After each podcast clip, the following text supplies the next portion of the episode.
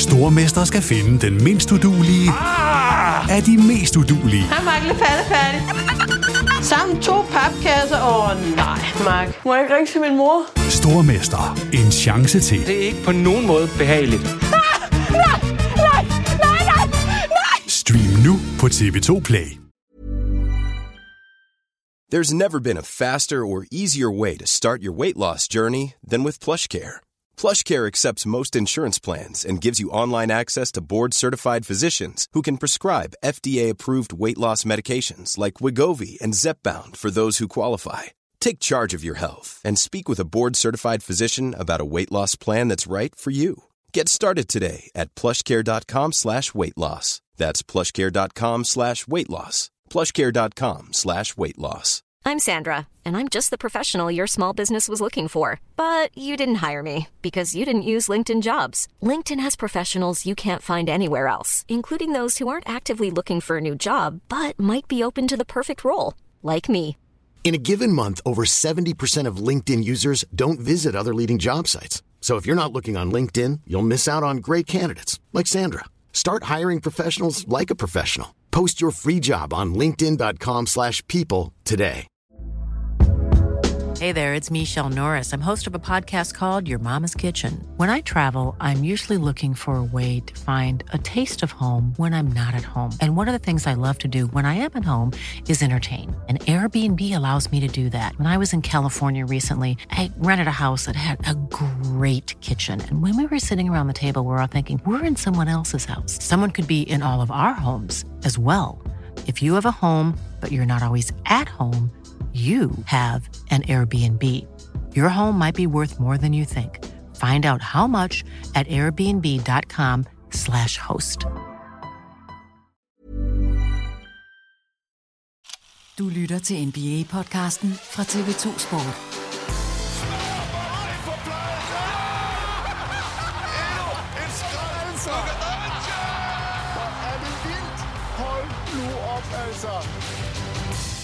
Vi har fået de første indtryk fra sæsonens Conference Finals, hvor fire hold altså kæmper om avancement til sommerens og sæsonens finaleserie. Mens det virkelig spidser til i NBA-slutspillet, så bliver træner fyret til højre og venstre. Nummer 12 for Grizzlies har bragt sig i en uheldigt søgelys igen, og så er et af de største draft prospects med al sandsynlighed på vej til San Antonio. Conference Finals, Draft Lottery, Jamarant og trænerfyringer, det er, hvad vi har på programmet i dagens podcast. Velkommen indenfor i NBA-podcasten fra TV2 Sport. Det er i dag torsdag den 18. maj 2023.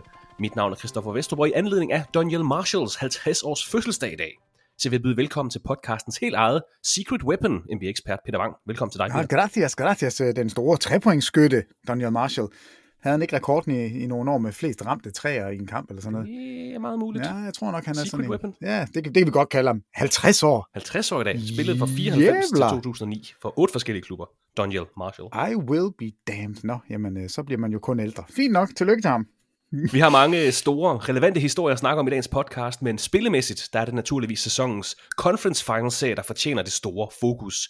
Hvis man vil høre mere om forudsætningerne for de her to semifinaler i slutspillet, som det jo er, så kan man give afsnit 365 af vores podcast et lyt. Det afsnit udgav vi i tirsdags, hvor Jakob Prytz, Jens Lavlund, Zacharias Splid og Peter Wang altså varmer op til de to serier. Her i dag torsdag, der har vi altså fået kamp 1 i Western Conference Finals mellem Denver Nuggets og Los Angeles Lakers, og for ja, cirka 8 timer siden, der blev det første opgør af Eastern Conference Finals mellem Boston Celtics og Miami Heat så afsluttet. Status her i dag er, at Nuggets fører 1-0 i serien over Lakers. De vandt 132-126 natten til onsdag, og så er Miami Heat foran 1-0 i serien mod Boston Celtics, efter de vandt på udebane her i nat. Peter, det er jo ikke, det er jo ikke så lang tid siden, at du faktisk kom hjem efter at have kommenteret den her kamp 1 mellem Celtics og Heat. Hvad så vi i den første opgør af Eastern Conference Finals 2023? Jamen altså, vi så jo øh, et Boston-mandskab, som viser sig fra sin absolut bedste side, og et Boston-mandskab, der viser sig fra sin værste side. Og vi så en Jimmy Butler, som endnu en gang bare sætter en fed streg under, at der er forskel på at spille slutspil og grundspil. Øh, så, så det var egentlig sådan et mikrokosmos af hele Celtics slutspilsrun, og et eller andet sted også Miamis øh, kogt ned i en kamp. Og hvis man går tilbage og lytter på vores øh, lille optakt til Conference Finals, så er der fire idioter, der sidder og siger, at Miami er chanceløse. Der var, der var en lytter, der er har nok- skrevet, fedt at ingen af jer tror på Miami. Og så tager de kamp 1. Ja, jamen, jamen der- der er ingen ude i hele verden, der, der stoler på, på Miami i den her serie. Altså, jeg, jeg tror nok, den hed var det 97-3, eller var det 93-7 i procenterne på, øhm, på ESPN. Altså, hvem de troede på ville de laver sådan, ja. ja hvem, hvem de troede på ville vinde. Altså, der er ingen, der har levnet Miami en chance. Jo, nogen har sagt, at den kan godt gå i 5-6, måske 7, hvis vi er, vi, vi er meget heldige. Men, men, men det er helt vildt. Altså, det, det var tankevækkende at se, og jeg ved godt, Bill Simmons ikke er det største orakel, men han havde en kommentar umiddelbart efter kampen, som jeg er meget enig i. Altså, vi ser en Joe Masula, der ikke tager en timeout i tredje kvartal, hvor Celtics bliver løbet over ende, og samtidig ser vi Spolstra reagere efter, jeg tror det er 97 sekunder øh, ind i, i fjerde kvartal, hvor han med det samme ser, hey, der sker lige noget her, Celtics har scoret, jeg tror de scorer 5 5 point, 5 eller 7 point, og med det samme kommer der en timeout, med, med det samme bliver der justeret, der bliver lige kigget på hinanden, hey, vågn op, og så er Miami tilbage. Og det synes jeg også er sådan et meget fint, hurtigt billede på, hvad det er for en coaching matchup, vi er gang i, fordi Masula ser, han ser med presset ud lige nu, men igen, han kom igennem Sixers-serien, også selvom det ikke gik godt fra start. Han, altså, han får det afsluttet, og jeg er ikke, altså jeg, jeg tror stadigvæk Boston er, er favoritter i serien, det må jeg også sige, men hold nu op en klinik, Jimmy Butler sat op, og, og et eller andet sted også Eric Spoelstra. Celtics øh, var foran med 13 point i slutningen af andet kvartal, så tillod de så 46 point i tredje kvartal. Det var 6. flest point scoret i et playoff quarter i NBA's historie. Altså 46 point. Rekorden er på 51 point, så ikke så langt op til en, en NBA-rekord her i nat. Øh, de gjorde det altså igen for tredje serie i træk. Der vandt Miami Heat kamp 1 på udebane. De gjorde det mod Bucks, de gjorde det mod Knicks, og nu har de altså gjort det mod Boston Celtics. Og de er, jamen, nu siger du det her mikrokosmos, Det, det er en sjov størrelse. Øh, Miami Heat. Det er tredje gang på fire sæsoner, at Heat står over for Celtics i Eastern Conference Finals. Ikke bare i slutspillet, men i Eastern Conference Finals. Og jeg tror faktisk ikke, Peter, at, at vi og, og mange andre har tænkt på Miami Heat som en oprigtig mesterskabsspejler i nogle af de sidste fire sæsoner. Det er, det er lidt sat på spidsen, selvfølgelig har vi holdt øje med dem. Men, men det taler i høj grad til, Øh, en ting er træneren, ham vender vi tilbage til lidt senere i podcasten også, det taler i høj grad til organisationsstyrke, det taler til Jimmy Butlers status som superstjerne, han har sat sit aftryk på det her slutspil, og også allerede på den her serie. Han er et andet dyr end de andre spillere. Når du bare kan gå ind og sige, nå, nu trykker vi på speederen her tredje kvartal, 46 point. Altså, det var ham, der orkestrerede Jamen, altså, det, du har ret, når du siger, at vi har ikke regnet med dem. Altså, vi troede ikke på dem i boblen, og alligevel er de jo meget, meget tæt på at, at komme forbi Lakers, og Jimmy Butler spiller jo, at det der LeBron James et eller andet sted er stadigvæk at the peak of his powers, og uh, Anthony Davis var vanvittig, men Jimmy Butler, kunne godt på mange måder sige, at jeg var den bedste spiller i den serie, selvom vi tabte. Altså, jeg havde bare ikke et godt nok hold omkring mig. Øh, vi troede ikke på dem dengang. Vi troede ikke på dem de sidste to år. Sidste år var de altså en træer i slutningen af kamp 7 ja. fra at slå Boston Celtics. altså, jeg havde jeg jo blevet drillet med det, fordi jeg havde det som et af mine store highlights fra sidste sæson, fordi det bare er sådan et, et, et skud, hvor tiden står stille, hvor man sidder og kommenterer kampen, og alligevel sidder man og tænker, det er bare løgn det her, det kan ikke lade sig gøre, at Miami vinder den her serie. Og de, de var snublende tæt på. Og jeg har gjort det igen i den her sæson. Jeg har ikke troet på dem overhovedet. Men til min uh, undskyldning må, må man så også sige, et hold, der kommer ind, taber den første kamp i play-in-systemet, er bagud i fjerde kvartal mod Chicago i den anden kamp i play-in-systemet. Ja. og så får de, altså der er tre minutter tilbage, der er de bagud med en. Og så får de den vendt rundt, vinder kampen, kommer ind. Hvordan i alverden skal man tro på det hold? Hvordan skal man sidde og kigge på dem og sige, ja okay, de skal nok vinde mesterskabet. Det, det kan man jo ikke, øh, medmindre man er så klog, at man siger, slutspil er noget andet. Jimmy Butler, han forandrer sig. Det er en supermand, der lige pludselig træder ind på banen, og nej, hvor har han været god, og hvor, altså jeg, jeg sidder og smiler hver eneste gang, jeg ser ham spille, for jeg, bare sådan, jeg, jeg forstår det faktisk ikke. Selvom jeg har set det så mange gange efterhånden, så tror jeg ikke rigtigt på det. Og det synes jeg er fedt. Altså jeg, jeg synes virkelig, hatten af for det, Miami har lavet, men det er jo, det er jo mod alle odds. Tyler Hero sidder derude med en, en sjov skjorte og en mærkelig hat hver eneste gang, og, og det sidder vi og griner af, Jamen, men han har brækket hånden. Jeg skulle til at sige, de mangler en starter. De mangler 20 point fra starteren. Tyler Hero, de mangler en bænkspiller, Victor Ladipo, måske ikke den største rolle, han har spillet for holdet i år, men alligevel, de er to mand nede, og den ene er mand Jo, det er to spillere, som i det mindste er draftet ind i NBA. Altså, vi løber rundt med syv undraftede spillere. De slutter kampene af med tre spillere, der ikke engang er draftet. Gabe Vincent løber rundt derinde og, og ligner en spiller, der egentlig mener, at han faktisk er den bedste spiller nogensinde. Altså, han er ikke bange for nogen skud, han spiller Nej, fedt. Han er en chef. Caleb Martin. Han er en chef. Caleb Martin! Hold nu op, hvor han, altså, han er sej. Og så Strussen, altså Max Struss, han rammer altså et par store skud, efter at han spiller en rigtig, rigtig skidt første halvleg, så rammer han virkelig nogle vigtige skud i anden halvleg. Men altså, det, det, det er vildt at se over 48 minutter, hvordan en kamp kan, kan ændre sig. Altså Boston dominerer jo i går i første halvleg. Points in the paint 40-16. Altså de scorer 40 point i feltet. Og, og Miami ser egentlig ud, som om de ikke rigtig op mod halvleg. Altså det, der ser de faktisk ud, som om de er færdige, og Boston bare vil rulle afsted. Og så får de vendt rundt på det, vinder spillet i, altså i feltet i anden halvleg. Og de her matchup-zoner og besynderlige zoner, de smider ud, det, det er som om, at Boston er rådvilde. De kan ikke få deres trepointsskud i gang. De kan slet ikke få dem afsluttet. Altså, de har kun 28 træer i går, hvilket ikke er ret meget i forhold til, hvad de gerne vil. Eller også er det 29, de lige slipper op på til sidst. Men kontrasten, øhm, Peter, undskyld, jeg afbryder kontrasten fra det, vi så mm. i søndags, hvor de spillede kamp 7 mod Philadelphia 76ers, det, du kan ikke det, det sammenligne æble, æbler og bananer, eller æbler og appelsiner, hvad det hedder, altså modstanderne, Philadelphia 76ers og Miami Heat. Helt anden vilje på det her Heat-mandskab, men også en helt anden eksekvering, eller mangel på samme for Boston, altså sammenlignet med i søndags, hvor de spillede kamp 7, og så i nat, hvor de spillede kamp 1 mod Miami Heat. Det er bare skægt at se, og det, jeg kan godt, virkelig godt lide det, du sagde med, det er sådan en mikrokosmos af Boston Celtics, faktisk ikke bare slutspil, men også sæson, at når de er gode, så er det mesterskabsfavoritten. Jamen det er det. Men, men de har bare nogle udfald. Også altså, som hold, som på trænerbænken, og også spillermæssigt. Jamen det har de, og, og det er jo den, den store anke imod, altså øh, Joe Masula, det er en ting, men også Jason Tatum, som er den her, øh, nu jeg tror, jeg er begyndt at kalde ham for den, den amerikanske spiller, der er tættest på en MVP, og han er alligevel et stykke vej derfra. Altså, han er nok, ja. ham og Devin Booker er vel de to spillere, der nu er, er tættest på, tror jeg. Øh, og alligevel, så sidder man med den der besynderlige fornemmelse af, at jeg stoler simpelthen ikke rigtigt på ham. Altså, han har 51 point i kamp 7. Det højeste scoret i en kamp 7 i slutspillet nogensinde.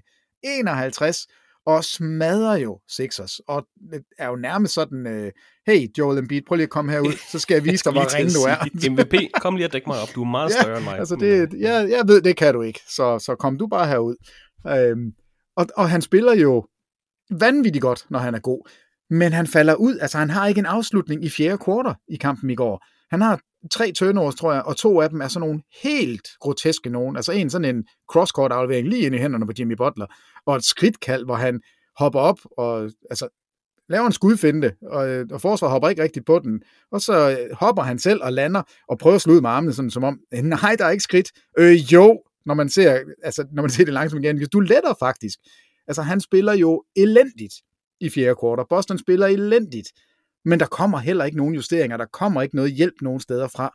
Så, så vanvittigt at se dem spille en kamp 7, vanvittigt at se dem spille så flot den første halvleg, og så fuldstændig kollaps i anden halvleg. Det er, jeg, jeg ved ikke, om det er Miamis skyld, altså, eller om det simpelthen er en implosion, at det simpelthen bare er holdet selv, der ikke kan, kan finde ud af at eksekvere, eller hvad, hvad det er, der går galt, men, men det, det var en tankevækkende kamp, en, en rigtig, rigtig sjov kamp, og hatten af for Miami. Altså, jeg fatter det ikke, men de fører altså 1-0 i Eastern Conference. Og det gør de altså efter en 123-116 sejr her i nat, og der skete jo faktisk nøjagtigt det samme i sidste år i kamp 1. Boston Celtics vandt første, anden og fjerde kvartal, men Miami Heat vandt kampen på grund af et solidt tredje kvartal, hvor de scorede over 20 point mere end Boston. Der skete nøjagtigt det samme i Eastern Conference Finals 2022, kamp 1 det vil jeg tage med. Så Miami Heat har skabelonen. Jamen, hvorfor kan de ikke spille i tredje kvartal, altså Boston? Hvorfor, hvorfor kommer de flade ud efter pausen? Altså, jeg, jeg ved ikke, hvad det er.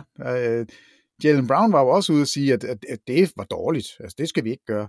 Øh, nej, det, det kan vi da godt være enige om, men, men så prøv at ændre det. Og, og, og der er det, at Bill Simmons synes, jeg har fat i noget af det rigtige. Altså, det, det er besynderligt, at de her timeouts ikke bliver brugt. At man ikke tager fat og siger, at det her det er ved at gå galt. Jamen, jeg skal lade spillerne komme igennem det.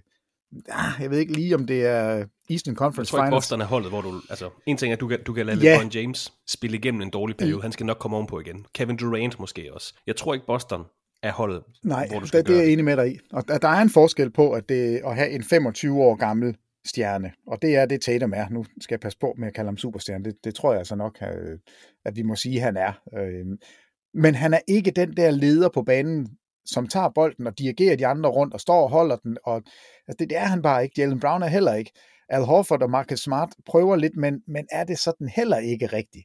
Det er så vigtigt, at den bedste spiller også er den, der styrer spillet. Og hvis ikke man har sådan en, så mener jeg, at der falder noget tilbage på headcoachen. Øh, og der tror jeg, at Ime Udoka sidste år lykkedes med noget, som, som Joe Masula ikke rigtig har ramt endnu. Og jeg siger ikke, at Joe Masula er en dårlig træner, for det, det synes jeg ikke, han er. Jeg synes faktisk, nej, nej. han er, det har været en fremragende sæson. Altså, jeg havde med i top 3 over Coach of the Year-kandidater. Altså, jeg, jeg synes virkelig, han var god. Men, men han bliver en lille smule udstillet her, og det er ret tydeligt, at Spolstra har en plan, og Spolstra reagerer meget prompte, når der sker et eller andet. Og, og der er Masula altså virkelig langsom i optrækket. Så det, det skal han i hvert fald have ændret på. Og vi skal ikke afskrive Boston endnu, og vi skal ikke afskrive Masula endnu, men det var ikke nogen god start på den her serie for, for Celtics. De her uh, conference finals kampe bliver spillet hver eneste nat. Serierne bliver afviklet hver anden dag. Alle kampe bliver spillet 0-32 dansk tid, og den her østserie mellem Celtics og Heat bliver altså spillet natten til de uh, lige månedsdage, kan vi sige, altså til den 18., til den 20., til den 22. og så videre. Mens Western Conference Finals kampe bliver spillet natten til de ulige dage. Men det er altså hver nat, at der er kampe, indtil vi har fundet sæsonens to finalehold. Det næste opgør mellem Celtics og Heat bliver spillet natten til lørdag, og kan som alle andre Conference Finals kampe følges på TV2 Sport X og TV2 Play. Hvad kommer der justeringer til kamp 2 i den her serie, Peter? Det er jo det her, som slutspillet kan. Vi får lov til at følge skakspillet, hvordan man forbereder sig, justerer, prøver at udnytte alle styrker og svagheder. Hvad tror du, der kommer til at ske, øh, enten fra Miami Heat side eller fra Boston Celtics side til kamp 2, fordi Celtics skal jo ikke tåle at tabe kamp 2. Nej, altså den, den skal de jo selvfølgelig ud og, ud og vinde. Men, men det var interessant at se, at, at man fra Bostons side vælger at gå med den store lineup, som vi faktisk ikke har set i andet end kamp 7 altså hvor Rob Williams kommer ind og starter sammen med Al Horford. Der har Masula jo faktisk gennem hele sæsonen skaleret ned i forhold til, hvad de gjorde sidste år. Øh, altså kørt med en mindre lineup, flere guard-spillere øh, inden. Og der så vi altså i kamp 7 endelig, de spiller mod den største, stærkeste, tykkeste center i NBA, i Joel Embiid, og, og faktisk først i kamp 7 sætter de den største lineup på banen. Det var meget, meget mærkeligt. Men den fortsætter de med i kamp 2, eller i, over i den her serie i kamp 1, og der kunne jeg egentlig godt forestille mig, at man måske går tilbage og siger, okay, vi, vi skal have presset tempoet mere op, vi er for langsomme, vi får ikke noget som helst ud af vores transition-spil. Det kan godt være, at de går tilbage og får Derek White ind som den startende guard, fordi øh, Miami er ikke et frygtindgydende stort mandskab. Og altså Al Horford direkte matchet op mod Bam Adebayo. Det er fint. Den match ja. vil jeg gerne lige se. Også fordi altså, Robert Williams Horford, står konsekvent 40 cm for langt fra alle spillere, han dækker op. Ja, og han er stadigvæk en lille smule nem at få i luften og trække fejl. Altså, jeg, jeg, jeg, jeg tror, Boston går tilbage og, og, og, så, og kommer med den lille line og prøver at få lidt mere tempo i spillet, fordi jeg, jeg mener jo, at de skal prøve at løbe, og det kan godt være, det lyder mærkeligt, men jeg synes virkelig, at man, når man spiller mod et hold, som er så centreret omkring en spiller, som, som skal gøre så meget i Jimmy Butler, så er det så vigtigt, at han skal på arbejde, og han skal på arbejde hele tiden. Øh, han har en, endda en, en dårlig fod, altså det, han løber rundt derinde og smiler og griner og ser ud, som om han har overskud til det hele. Han skjuler alle de kræfter, som han har spildt og som er væk. Altså han er ikke 100% og fuld af energi hele tiden. Altså det, det, det, det ved vi jo. Vi så ham også i 2020, hvor han jo var fuldstændig drænet til sidst. Og det er den Jimmy Butler, man skal prøve at få frem, hvis man er Boston. Og der tror jeg godt, man kunne, man kunne se noget med den lille lineup, selvom Rob Williams faktisk var, var rigtig god i starten. Uh, offensive rebounded og havde jo 6 point i løbet af no time til at begynde med. Uh, så jeg tror, vi, det, jeg tror, det er den første justering, der kommer. Og jeg ved ikke, hvad Miami, altså de har jo faktisk ikke rigtig noget at rute med. Øh, de kan ikke rigtig lave noget om. Jo, Kevin Love blev nærmest spillet af banen. Han spillede ikke nogen stor kamp, men øh, altså har alligevel en træer og har en rigtig fin outlet-aflevering. Så, så jeg ved ikke, om man ændrer starting lineup, men, men jeg tror, Spolster vil rimelig hurtigt trække stikket og, og køre med den her gruppe med, Altså, hvor, hvor Caleb Martin er, nej, hvor er han god. Altså, det er en fed, fed spiller. Og Kyle Lowry kommer ind og laver nogle ting. Øh, de er ikke blevet straffet på at være, være lidt mindre end Boston-spilleren. Det er de altså ikke endnu. Og som nævnt, det næste opgør mellem Celtics og Heat bliver spillet natten til lørdag. Vi har også fået det første opgør af sæsonens Western Conference Finals. For fjerde gang i historien står Denver Nuggets og Los Angeles Lakers over for hinanden i Vest finaleserien. I år er Nuggets kommet bedst for land via en 6 point sejr her i tirsdags 132-126, Nuggets satte sig på kampen fra start af, nåede at være foran med hele 21 point, men Lakers kom stærkt tilbage i kampen i fjerde kvartal. Pludselig var det en trepointskamp, men Nuggets formåede altså at holde stand, bragte sig foran 1-0 i serien. Monster præstationer fra Nikola Jokic og Anthony Davis. Høje skudprocenter, Peter, fra begge hold faktisk. Hvad var det her for et opgør, og, og hvad lærte vi af det? Ja, jamen altså, det var jo... For det første var det en af de højst scorende uh, conference finals kampe nogensinde. Okay. Uh, vi, har, vi har ikke set en højere score siden 1987. Og uh, du kan godt gå ud og tage en kop kaffe nu, fordi jeg har jeg, jeg er faldt virkelig i et hul her, og jeg, jeg er ked af det. Det er ikke din skyld, det er faktisk uh, Denvers og, og Lakers skyld. Men altså, vi, vi skal helt tilbage til 1987 for at finde en kamp, som, hvor, hvor scoren er højere, end den var i den her kamp. Altså kun fire kampe er det lykkedes for. Og det er her, det bliver spændende, fordi i 1972, der bliver der scoret 269 point i en conference finals kamp mellem Lakers og Milwaukee Bucks. Det er også lidt mærkeligt, ikke? Milwaukee Bucks, de spillede i, i Western Conference på det her tidspunkt. Og det gjorde blandt andet Chicago Bulls og Detroit Pistons også. Det var, det var, en, det var en meget, meget skør uh, Western Conference. Men så var jeg selvfølgelig, jeg kunne ikke lade være med at prøve at gå ind og kigge på den kamp. Hvad, hvad fanden skete der der? Hvad var det egentlig for et hold, det her 1972 Lakers hold? Og det, det var det hold, der vandt 33 kampe, som stadigvæk er rekord i, altså i en streak over sæsonen. Uh, og i kampen, det er jo, det er jo en vilde hold. Altså Milwaukee, de kommer med Kareem og med, med Oscar Robertson. Lakers, de spiller med Will Chamberlain ja. og øh, Jerry West og Gail Goodrich. Og Pat Riley sniger sig lige ind og, og spiller og scorer to point i den her kamp. Men kan du gætte, hvem der var topscorer? Nej, du har ingen anelse om det, derfor skal du slet ikke quizzes på det. Det var Jim McMillian. Ja, okay. Jim McMillian scorer 42 point i den her kamp. Øh, og han blev også kaldt for Floyd Butterball. flot butterball. ja, flot. Flot butterball. Altså, han, han blev draftet i 1970, og jeg sad og kiggede på ham, og altså, han har aldrig været All-Star. Han, har aldrig... høre, han var topscorer. Han var topscorer. I en kamp med Jerry West, Will Chamberlain, Kareem Abdul-Jabbar og Oscar Robertson. Yes, sir. I 1972, i den højeste score. Og det var en etpointskamp. Altså, det, det var en, en vanvittig kamp, så det er jo ikke, fordi han øh, var en nobody. Men altså, draftet som nummer 13 i 1970, og spiller i øh, NBA, men bliver aldrig All-Star og, og kommer lidt rundt, vinder mesterskabet sammen med Lakers. De vinder i den her sæson, og, og det er faktisk der, hvor øh, Will Chamberlain bliver Finals MVP. Det er i slutningen af hans karriere, hvor han snitter, han snitter 24 rebounds over i, i finaleserien, og der er jo latterligt. Det er det her virkelig gode Lakers hold, der går 69-13. Øhm, og de, de vinder over New York i finalen, og, og Walt, Walt Frazier, og blandt andet Phil Jackson, øh, store navne, der er med.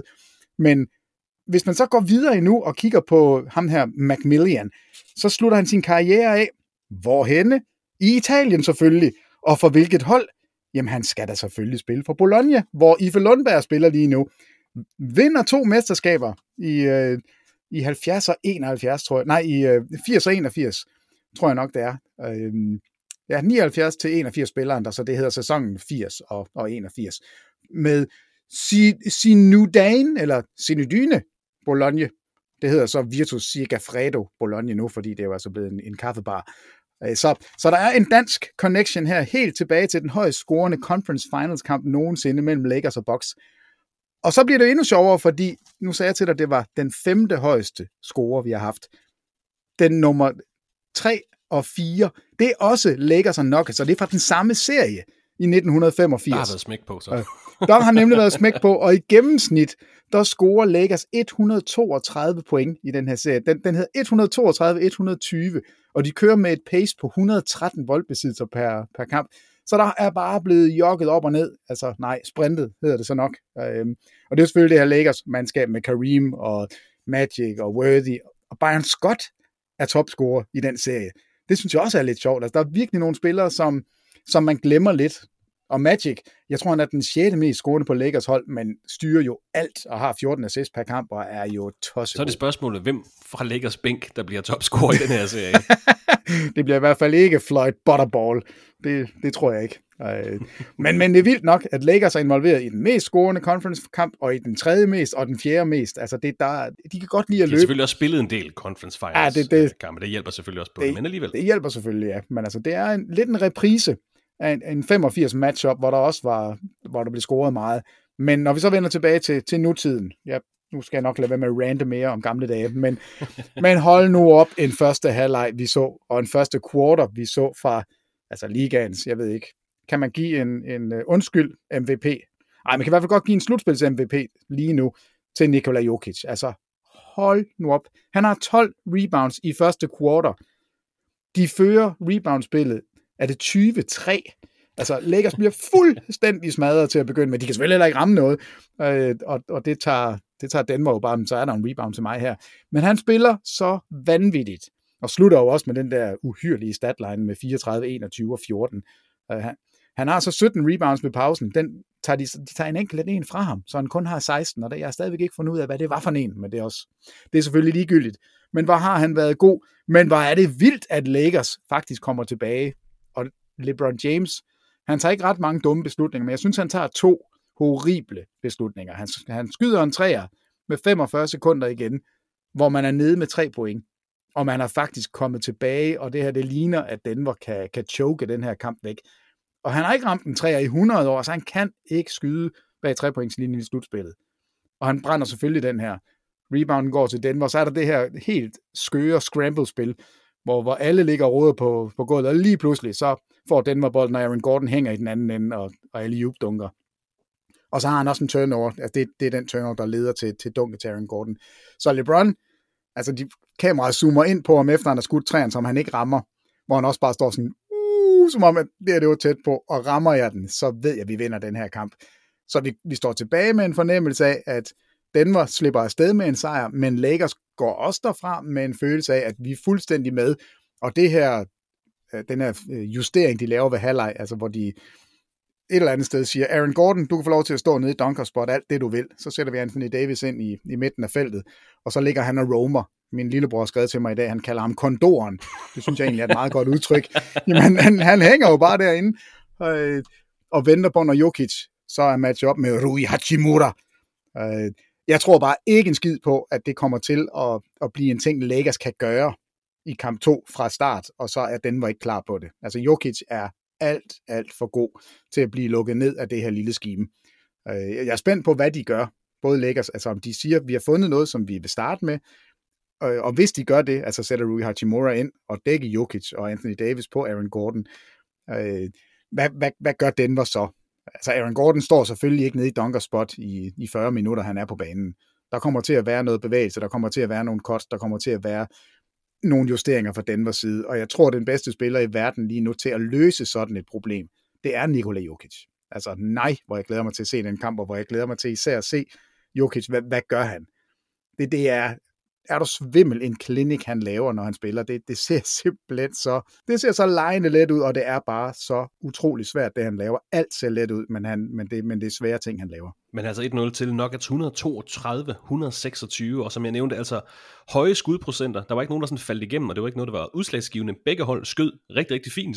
Øh, den eneste statistik, du har været lidt inde på det, den eneste statistik, der springer i øjnene, hvor de to hold altså ikke ligner hinanden, det er rebound-statistikken. 47-30 til Nuggets. Nuggets tog 15 offensive rebounds i kampen, og det er altså ikke noget, de normalt sådan excellerer i som hold. Og du har måske allerede svaret lidt på det, Peter, men, men man kan anskue det her på mange måder, så kan jeg spørge dig om, hvad den rigtige måde at anskue det på. Skal Lakers være nervøse, fordi de ikke kunne vinde en kamp, hvor de scorede 126 point og skød næsten 46% bag trepointslinjen? Skal Lakers være optimistiske, fordi det blev en tæt kamp, på trods af, at øh, D'Angelo Russell Dennis Schröder kun scorede 14 point til sammen, og vi nok ikke skal regne med, at Kentavious Caldwell Pope i den anden lejr scorer over 20 point i hver eneste kamp. Vi kan også vente om til Nuggets perspektiv, skal Nuggets være nervøse for, at de tillod 126 point, noget de kun har gjort en gang tidligere i slutspillet? Eller skal de være glade over, at de overlevede en 40-points kamp for Anthony Davis? Der er jo mange øh, måder at anskue den her kamp på.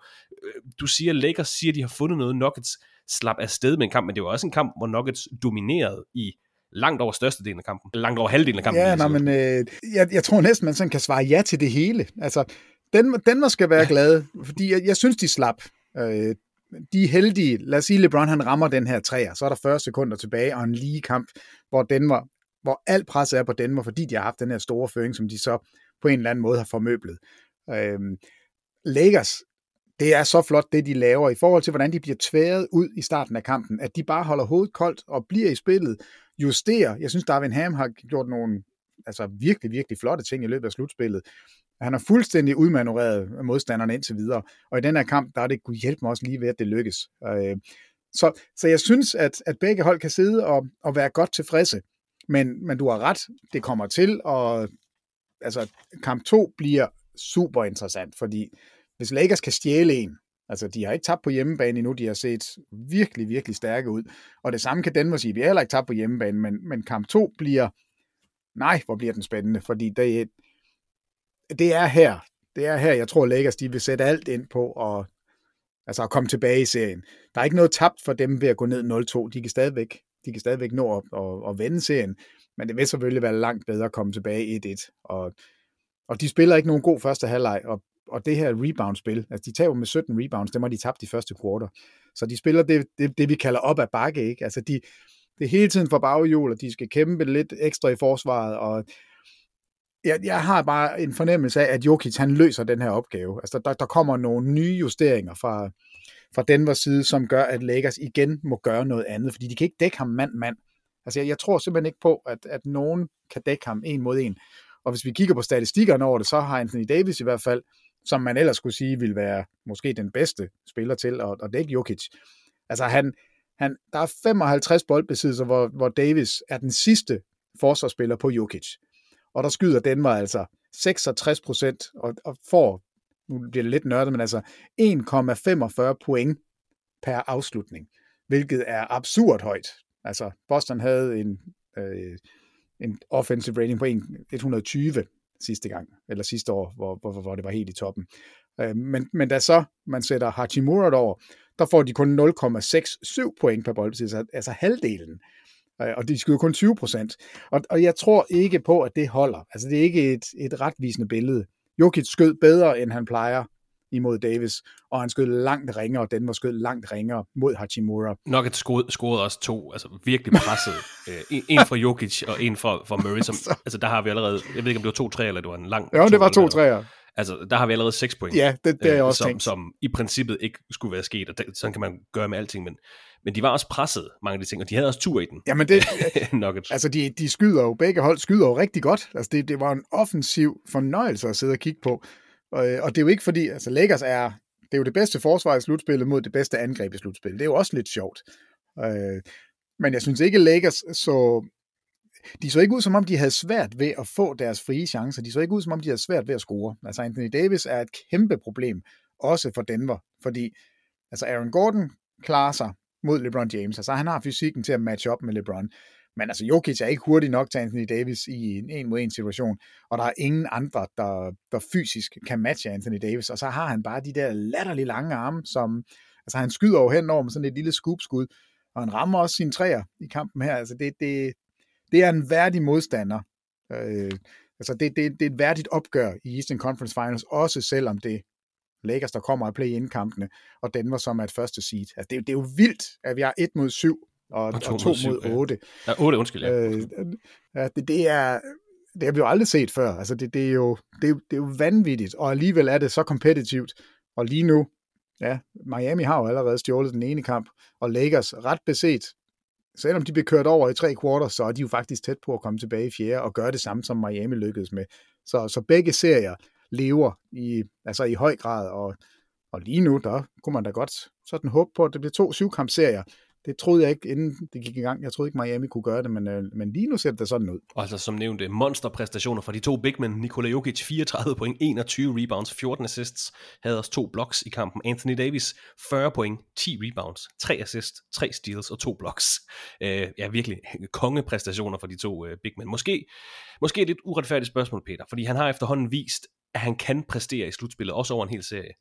Øhm, men stoler du 100% på Jamal Murray? I, altså, han er den spiller i NBA's historie, som har den største increase i scoringer fra grundspil til slutspil.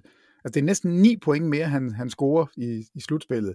Og jeg må bare sige, at sidst vi så ham i slutspillet, hvor han var frisk, der var han god, og han var god konstant. Så så vi ham i de otte kampe sidste år, inden, altså da Aaron Gordon kom til, inden han blev skadet, der var han god. Vi har set ham i det her slutspil, der er han god. Så ja, jeg stoler på ham. Men det er jo skønt at sidde og sige, at jeg stoler på ham.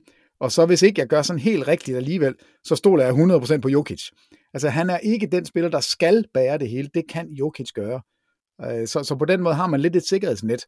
Men jo, jeg stoler på ham. Jeg synes virkelig, han ser, han ser skarp ud. Og det, det har været længe undervejs. Altså det, det har taget over et år at komme tilbage fra den her skade. Så, så jeg er lykkelig for at se ham derinde. Og den her kombination med ham og Jokic på et hold, som aldrig har været i finalerne og aldrig vundet noget som helst. Altså det, det, er, det er da en fornøjelse. Jeg synes virkelig, det, det er sjovt at se dem spille. Havde også en fin kamp, 31 point, 5 assists, 5 rebounds. Nå, det synes du. Jamen, det er slet ikke for at øh, nej, nej, nej, jeg er med. se ham. Det er mere bare sådan, det er et uretfærdigt spørgsmål. Jeg er bare sådan en lille smule iffy ved ham lige, til, lige øh, eller jeg har sådan en fornemmelse af, at han kommer til at have en sløj kamp, som kommer til at koste en sejr. Altså sådan en 7 point øh, 2 for 14 for gulvet, eller et eller andet. Altså, det, jeg ved ikke hvorfor. På den anden side, jeg ved ikke, jeg ved ikke hvem der skulle dække ham op for Nej, Lakers, det tror jeg fordi, ikke. Altså, det, det, Dennis den Schröder kan sidder ikke jeg ikke med. D'Angelo Russell kan overhovedet ikke dække nogen op. Så jeg ved det ikke. altså, jo, Dennis Schröder kan jo, kan jo jagte der rundt, og, og det gjorde han jo mod, mod Warriors, men det er, der, der var han faktisk rigtig, rigtig fin mod Steph Curry i forhold til at genere ham. Men, men Jamal Murray er en anden type, fordi han bruger sin fysik, han er, han er større, og han elsker de der matchups med, med små guards. Altså, vi ser jo tit Jamal Murray poste op, og, og komme ind og få sådan nogle, øh, sådan nogle mellemdistanceskud, sådan halvt inde i feltet og halvt udenfor, men med en lille pumpvæk, og så træder han ind under de her guards, som er, som er for små i forvejen. Altså, han er, der er et eller andet dræberinstinkt over Jamal Murray, jeg godt kan lide. Ja. Men, men hvis du spørger mig, hvem jeg stoler mest på på holdet, så er det jo Jokic. Altså 100%. Også selvom han faktisk spiller en, en lidt undervældende fjerde quarter. Øh, til folk, der vil, der vil sige, at han, jamen, han har ikke vundet i slutspillet. Øh, jo, han har, og han har gjort det konstant. Og nu har han bare et hold med sig, som er værdig til måske at gå hele vejen til finalen, måske og, og tage et mesterskab. Jokic har aldrig, han har aldrig faldet ud af, af kampe, altså hvor han er sådan helt væk. Han, han præsterer altså på højt niveau og har gjort det altid. Kamp 2 i sæsonens Western Conference Final Serie bliver spillet her i nat, natten til fredag. Igen et opgør, du kan følge direkte på TV2 Sport X og TV2 Play. Forhåbentlig så bliver hverken Eric Spolstra, Joe Masula, Mike Malone eller Darvin Ham fyret, hvis resultaterne ikke flasker sig i Conference Final serierne. Men øh, med den aktivitet, der har været på det seneste, så øh, er der ingen, der kan vide sig sikre, der er nemlig blevet fyret træner til højre og venstre i de seneste uger. Lige for at opsummere. Efter grundspillets afslutning, der blev Dwayne Casey opsagt hos Detroit Pistons, og Steven Silas blev fyret hos Houston Rockets. De har dog fundet en ny træner i Ime Udoka. Efter Toronto Raptors tabte i play-in-turneringen, der optagede de Nick Nurse, og i løbet af de første to runder af slutspillet, så er Mike Budenholzer blevet fyret hos Milwaukee Bucks, Monte Williams er blevet fyret i øh, Phoenix Suns, og Doc Rivers er blevet fyret hos Philadelphia 76ers. Hvis vi lige tager øh, Steve Nash hos Brooklyn Nets, Ime Udoka hos Boston Celtics og Nate McMillan hos Atlanta Hawks med den her snak, så er det altså 9 ud af ligaens 30 trænere, der er blevet fyret i den her sæson. Og det er altså nogle markante trænere, Peter, der har røget i de seneste uger. Der har været, øh, der har været gang i svingdøren, lad os sige det sådan.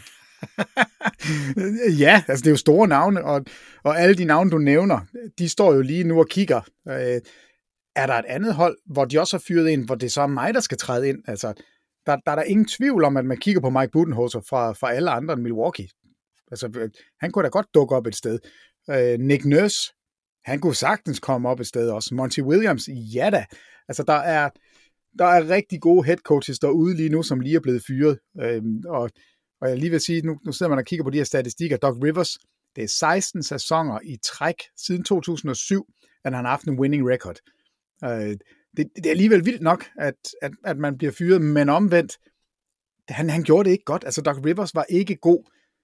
Så, så jeg, jeg kan godt forstå, at man var nødt til at gøre et eller andet. Øh, jeg ved ikke, om du har set, Rashid Wallace har været ude, været ude og, og så lidt fortælle om, hvordan han oplevede at være, blive trænet af Doc Rivers, da han var i, i Boston.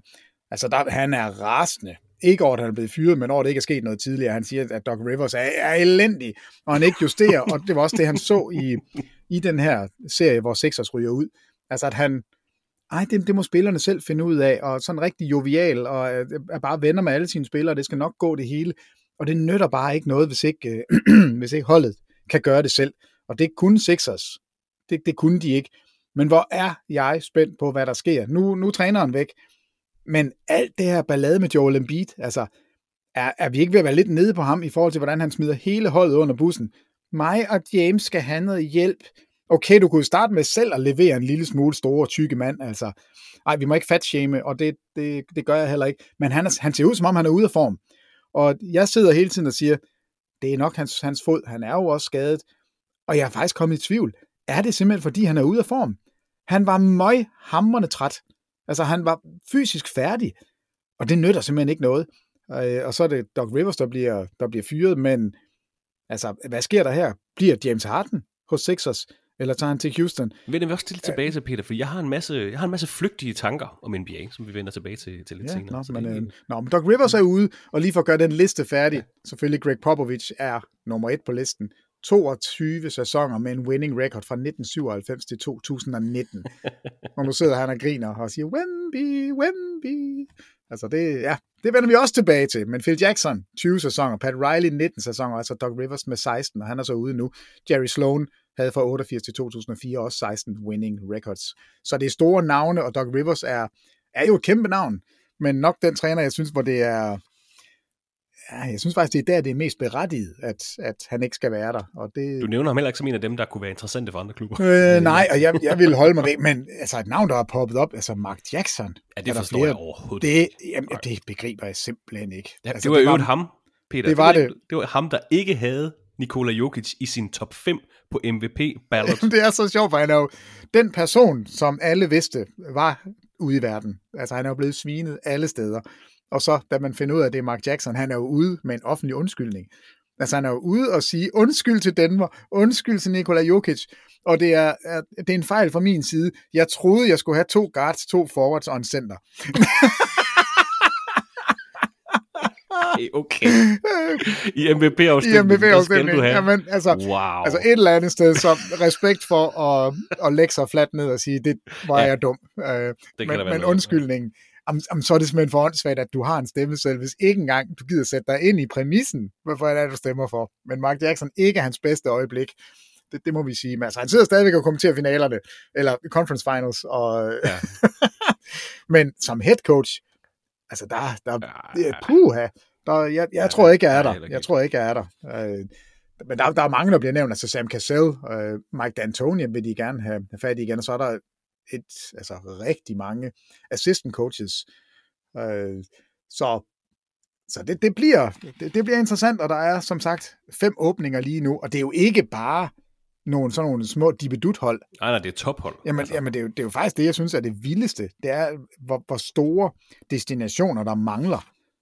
Altså, skal, skal vi snakke lidt om dem? Ja, lad os lige tage de her fyrede trænere. Dwayne Casey, jeg tænker, han bare var en placeholder hos Pistons. Jeg har aldrig troet, det var ham, der skulle, skulle være fremtidens mand, men, men han er altså ude af Detroit. Steven Silas blev sat i en, en uretfærdig position hos Houston Rockets, kom jo til holdet, da der var James Harden, Russell Westbrook, så forsvandt de begge to, og så, nå okay, du skal vi til at rebuilde. Jeg kan ikke rigtig lykkes med det her. Det kunne næsten ikke lykkes for ham, faktisk. Nick Nurse vandt mesterskabet i 2019, blev coach of the year 2020, var altså i Raptors i fem sæsoner, han er blevet fyret. Mike Budenholzer vandt mesterskabet 2021, blev coach of the year i 2019, tre førstepladser i Eastern Conference på de fem sæsoner, han er ude. Monty Williams ledte Phoenix Suns til finalerne i 2021, var træner for holdet, der satte franchise record med 64 sejre her sidste år, var der i fire sæsoner, han er blevet fyret. Og så Doc Rivers, som du nævner, de har mange sæsoner med en winning record, har ikke haft helt det samme succes med, med finaledeltagelser, men har fået en førsteplads, fjerdeplads og en tredjeplads i Eastern Conference, tre år i træk til anden runde af slutspillet. Så er der Steven Nash, Peter. Jeg ved ikke, om vi ved nok om ham som træner til at kunne bedømme ham. Øh, Ime Udoka førte Celtics til finalerne sidste år. Øh, første og eneste år i spidsen for klubben. Naturligvis noget andet end resultater, han blev afskedet for. Og så, hvis vi nævner ham, øh, den sidste er Nate McMillan, overtog for Lloyd Pierce tilbage i marts 2021, vendte op og ned på Atlanta Hawks sæson, nåede til Eastern Conference Finals. Og de sidste to sæsoner, der er det ikke kørt for Hawks, det skal vi også sige. Men det er, altså det er et vildt felt, det her. Altså Dwayne Casey, Steven Silence, øh, Steve Nash, dem snakker vi ikke så meget om. Nick Nurse, mesterskabstræner. Mike Budenholzer, mesterskabstræner. Monty Williams, finaletræner. Doc Rivers, førsteplads i Eastern Conference. Nate McMillan, Eastern Conference Finals træner.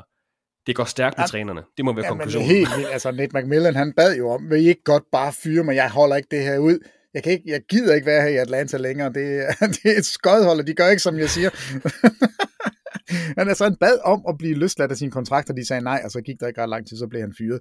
Men altså coach of the year er ikke en god ting. Nej, åbenbart ikke. Der er en curse. Prøv lige curse of her. coach of the year. Altså 2019, Budenholzer, han er ude. 2020, Nick Nurse, han er ude. Han er ude. 21, Tips, han er der stadigvæk. 22, Monty Williams, han er ude.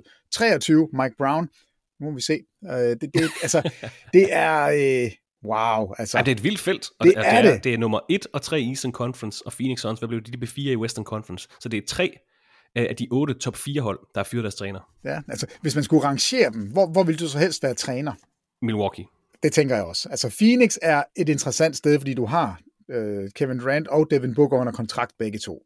Men der er store problemer omkring, hvad gør vi med Chris Paul? Han, han er for gammel, og han bliver skadet ved et slutspil. Vi vil gerne have noget, altså noget fart, øh, samtidig med, at det er ikke Chris Paul. Hvad gør vi med DeAndre Ayton? Han er ikke tilfreds, og han spillede heller ikke godt. Vi er bundet på hænder og fødder med alle de her penge, vi skal give til Durant og Booker, og vi har givet alle vores øh, første rundevalg væk, fordi vi skulle have fat i Durant. 165 millioner har de lønningsudgifter til næste år på syv spillere. God fornøjelse med at komme ind og, og sætte styr på det. Man kan så sige, at det er ikke træneren, der skal det. Det må general manageren ordne. Men, men, men det, det kan godt være sådan lidt en vipserede, man træder ind i, tænker jeg. Det, det er ikke så nemt. Uh, Milwaukee, Chris Middleton bliver unrestricted free agent. Lopez bliver free agent. De skal have penge. Og hvis man bare lader dem gå, øh, så er man over det der andet apron, de snakker om, altså hvor, hvor mange penge lønloftet. Efter den nye CBA, der har du et lønloft, og hvis du overtræder det, så betaler du bøder, og overtræder du det flere år i træk, betaler du voldsomt mange penge i bøde. Vil man betale det? Og der, der ligger det jo hele tiden sådan og lurer, hvad gør vi med Janis? Altså, Giannis Antetokounmpo kan blive free agent, eller kan gå ud af sin kontrakt i 2025. Der er ikke lang tid til, altså det, man er nødt til at have det med i overvejelserne. Så, så den er også, altså Milwaukee er nok det mest stabile, trods alt, og jeg håber da simpelthen bare, at de giver pengene til både Lopez og Middleton, og så løser, hvad der nu måtte være af ballade bagefter. Men det, den er ikke nem heller. Philadelphia, oh my god, altså. Joel Embiid, som er sur og ude af form. James Harden, som, nej, jeg overvejer lige, om jeg synes, jeg skal til Houston. Han var på stripklub samme nat, som de røg ud. Samme nat. Jamen, det er da okay, så skal han jo ikke gøre klar til en kamp. Jamen, der kunne man da godt lige ligge derhjemme i sofaen og lige sådan selvrensage og sige, okay, måske skulle jeg gøre noget anderledes. Det kan ikke passe, jeg skal Skulle jeg have afsluttet af... lidt selv, i stedet for ja. at have afleveret hver gang kamp ja, øh, og så hele den her Joel Embiid-ting. Øh, jeg synes ikke, det var, det var ikke en værdig måde at komme ud af slutspillet på. Det, det må jeg bare sige. Og der er flere, der peger på, at altså Embiid, vi er nødt til at kigge på ham som en spiller, som, som lige nu er, øh, der er tre, tror jeg nok, tre eller fire, nu husk, ja, det kan være, du lige kan hjælpe mig. Altså MVP'er, som ikke har været i finalerne. Steve Nash, Derrick Rose, Joel Embiid. Altså i deres karriere, ikke efter i deres, de blevet i deres karriere. Okay, fordi Westbrook øh, vil også være med, men han har selvfølgelig været i finalerne. Han har været i finalerne. Ja. Øhm, men Joel Embiid har ikke engang været i en conference finals endnu. Nej, det er rigtigt. De kunne have øh, anden runde de sidste. Så, ja, ja. Så, så det er... Der, der begynder sådan at være lidt, der peger på, altså, er det kun dine egne statistikker? Er det kun Joel Embiid, der skal være MVP, og så er alle de andre bare dumme? Og når jeg ikke bliver MVP, så er jeg faktisk også sur over det. Er der et eller andet der, at, at det ikke er en, en vindende spiller for holdet? Altså, jeg har jo meget været med Joel Embiid. Altså, jeg, jeg har jo kaldt ham Messias, fordi det, han er jo latterlig god. Altså, det, det er han. Men jeg har også begyndt at tvivle en lille smule på, om, om han er for real. Altså, om han er en spiller, du, du kan regne med i slutspillet. Er, er det en spiller, du kan regne med ved at tage det der det ekstra skridt? Og hvis jeg kigger på hans form, øh, altså, det, det er lidt ligesom, øh, som Jokic blev klandret for i nogle år, hvor han kom lidt u, utrænet op, og Doncic det samme, hvor jeg synes både Doncic og Jokic har set meget, meget skarpere ud i år. Altså hele året, det synes jeg ikke en beat har. Og det kan godt være, det er småskaderne, det, det ved jeg simpelthen ikke nok om. Øhm, men jeg er da begyndt, da der kom sådan lidt cracks i min... Dit billede af? Eller din, så, ja. ja, lidt. Lidt er der altså. Hvilke MVP'er sagde du, der ikke har været i finalen? Uh, Derrick Rose og Steve Nash. Jokic har jo så heller ikke, kan man sige. Nej, det er ham. Så for jeg synes, at der var fire. Så må Jokic være... Harden har vel... Jo, han, han har den med, med OKC, okay, ja. Sidder jeg Jamen, jeg mener altså, det, det, det er de eneste ja, det ser tre, og så er, er Jokic, så øh, ja, han har så en mulighed for at komme, komme der til i år. Det ser umiddelbart rigtigt ud. Jeg har lige skimmet øh, 70 ja. års MVP. ja, og, altså Derrick Rose, det er jo, det er jo lidt tageligt, han er på den liste, og Steve Nash synes jeg jo egentlig også, øh, de to har, har i den grad gjort, hvad de kunne. Og der har jeg lidt den der fornemmelse, det synes jeg faktisk ikke en beat har. Altså, jeg, jeg er sgu lidt træt af den måde, han... Altså, han sviner sine holdkammerater efter et exit, hvor det egentlig er ham og James Harden, der slet ikke leverer. Øh, jeg, jeg synes ikke, det er fair at kaste den hverken på Doc Rivers alene, eller på holdkammeraterne. Og hvis du sad, hvis vi to var holdkammerater med en beat, og han sidder i pressekonferencen bagefter, og siger, at mig og James skal have noget mere hjælp. Altså, I guder her, vi knoklede røven ud af bukserne. PJ Tucker har gjort alt, man overhovedet kunne. Det er ham, Tyrese der... Maxi har været god. Ja, altså, hvis du sidder som Maxi, future all-star, ikke? Hvis, hvis alt går godt, hvis du sidder som PJ Tucker og siger, ved du hvad, det var mig, der vækkede dig i den kamp, vi var ved at tabe, så var det mig, der hørte råbe dig i hovedet og sige, nu skal du vågne op, kom i gang, Joel Embiid. Nå ja, det kan jeg godt. Altså, ja, jeg er, lidt, jeg er lidt nede på en beat, kan jeg mærke, og det, det er faktisk lidt ærgerligt over, men, men jeg synes, jeg har ret til det, for jeg synes ikke, det her det var værdigt. Så det er nok sådan, jeg har det. Og det kostede altså Doc Rivers øh, ja, jobbet hos Philadelphia 76ers, da de røg ud her i søndags. Der er heller ikke mange af NBA's træner, der har haft øh, langvarig jobsikkerhed, må vi bare sige. Altså vi har selvfølgelig, som Peter også har været inde på, unikummet, Greg, Greg Popovich. Han har været head coach for San Antonio Spurs siden december 96, næsten 30 år, men det hører altså også til sjældenhederne i jamen altså på tværs af alt professionel holdsport, kan vi godt sige, næsten 30 år, altså siden 96. Eric Spolstra har været træner for Miami Heat i 15 år efterhånden. Steve Kerr har været træner for Golden State i 9 år, og Mike Malone har været øh, Denver Nuggets træner i snart 8 år. Men de 26 andre trænere har pt. færre end 4 år i spidsen for deres respektive hold. Den næste på listen er Taylor Jenkins, der overtog tøjlerne hos Grizzlies i juni 2019. Så altså ikke helt fire år endnu, Taylor Jenkins. Jeg ved godt, at Steve Clifford og Rick Carlisle er begge i gang med deres anden ansættelse hos henholdsvis Charlotte Hornets Indiana Pacers, så de har lidt flere års erfaring hos klubberne. Men hvis vi kigger på nuværende ansættelse, 26 trænere har færre end fire år, har de haft deres job. Det er alligevel vildt nok. Altså, der kommer nogle, der var sådan en sommer her for et par år siden, jeg tror det var i 20 eller 21, hvor der også blev skiftet 5-6 trænere ud. De kommer sådan lidt i bølger, de her trænerfyringer. Nu har vi en stor sommer her i 23 med, med mange trænere og mange destinationer, der altså skifter, ja, skifter head coach. Jamen, det, det, det siger jo noget om strukturen i NBA lige nu. Altså, det, og selvfølgelig er det spillernes liga. Det er dem, der, der skal have pengene. Det er dem, der leverer varen. Men det, det tyder jo også på, at det er meget, meget nemmere for et hold, hvis de skal lave et eller andet Øh, hvis holdet ikke har præsteret, så er det meget, meget nemmere at fyre træneren, end det er at gå ud og fyre spillerne. Øh, det, det er det bare. Så derfor er det en svingdør. Det, det, det vidner om organisationer, hvor der er styr på tingene, de steder, hvor headcoachen bliver i mange år. Og jeg, jeg synes jo, San Antonio er et klasse eksempel. Fordi vi havde de 20 år med Popovic og uh, The Big Three, hvor de jo bare vandt mesterskaber og vandt kampe og var rigtig gode. Og så er det nemt når man vinder kampe, er det nemt. Så er alle glade, og der er ikke nogen problemer.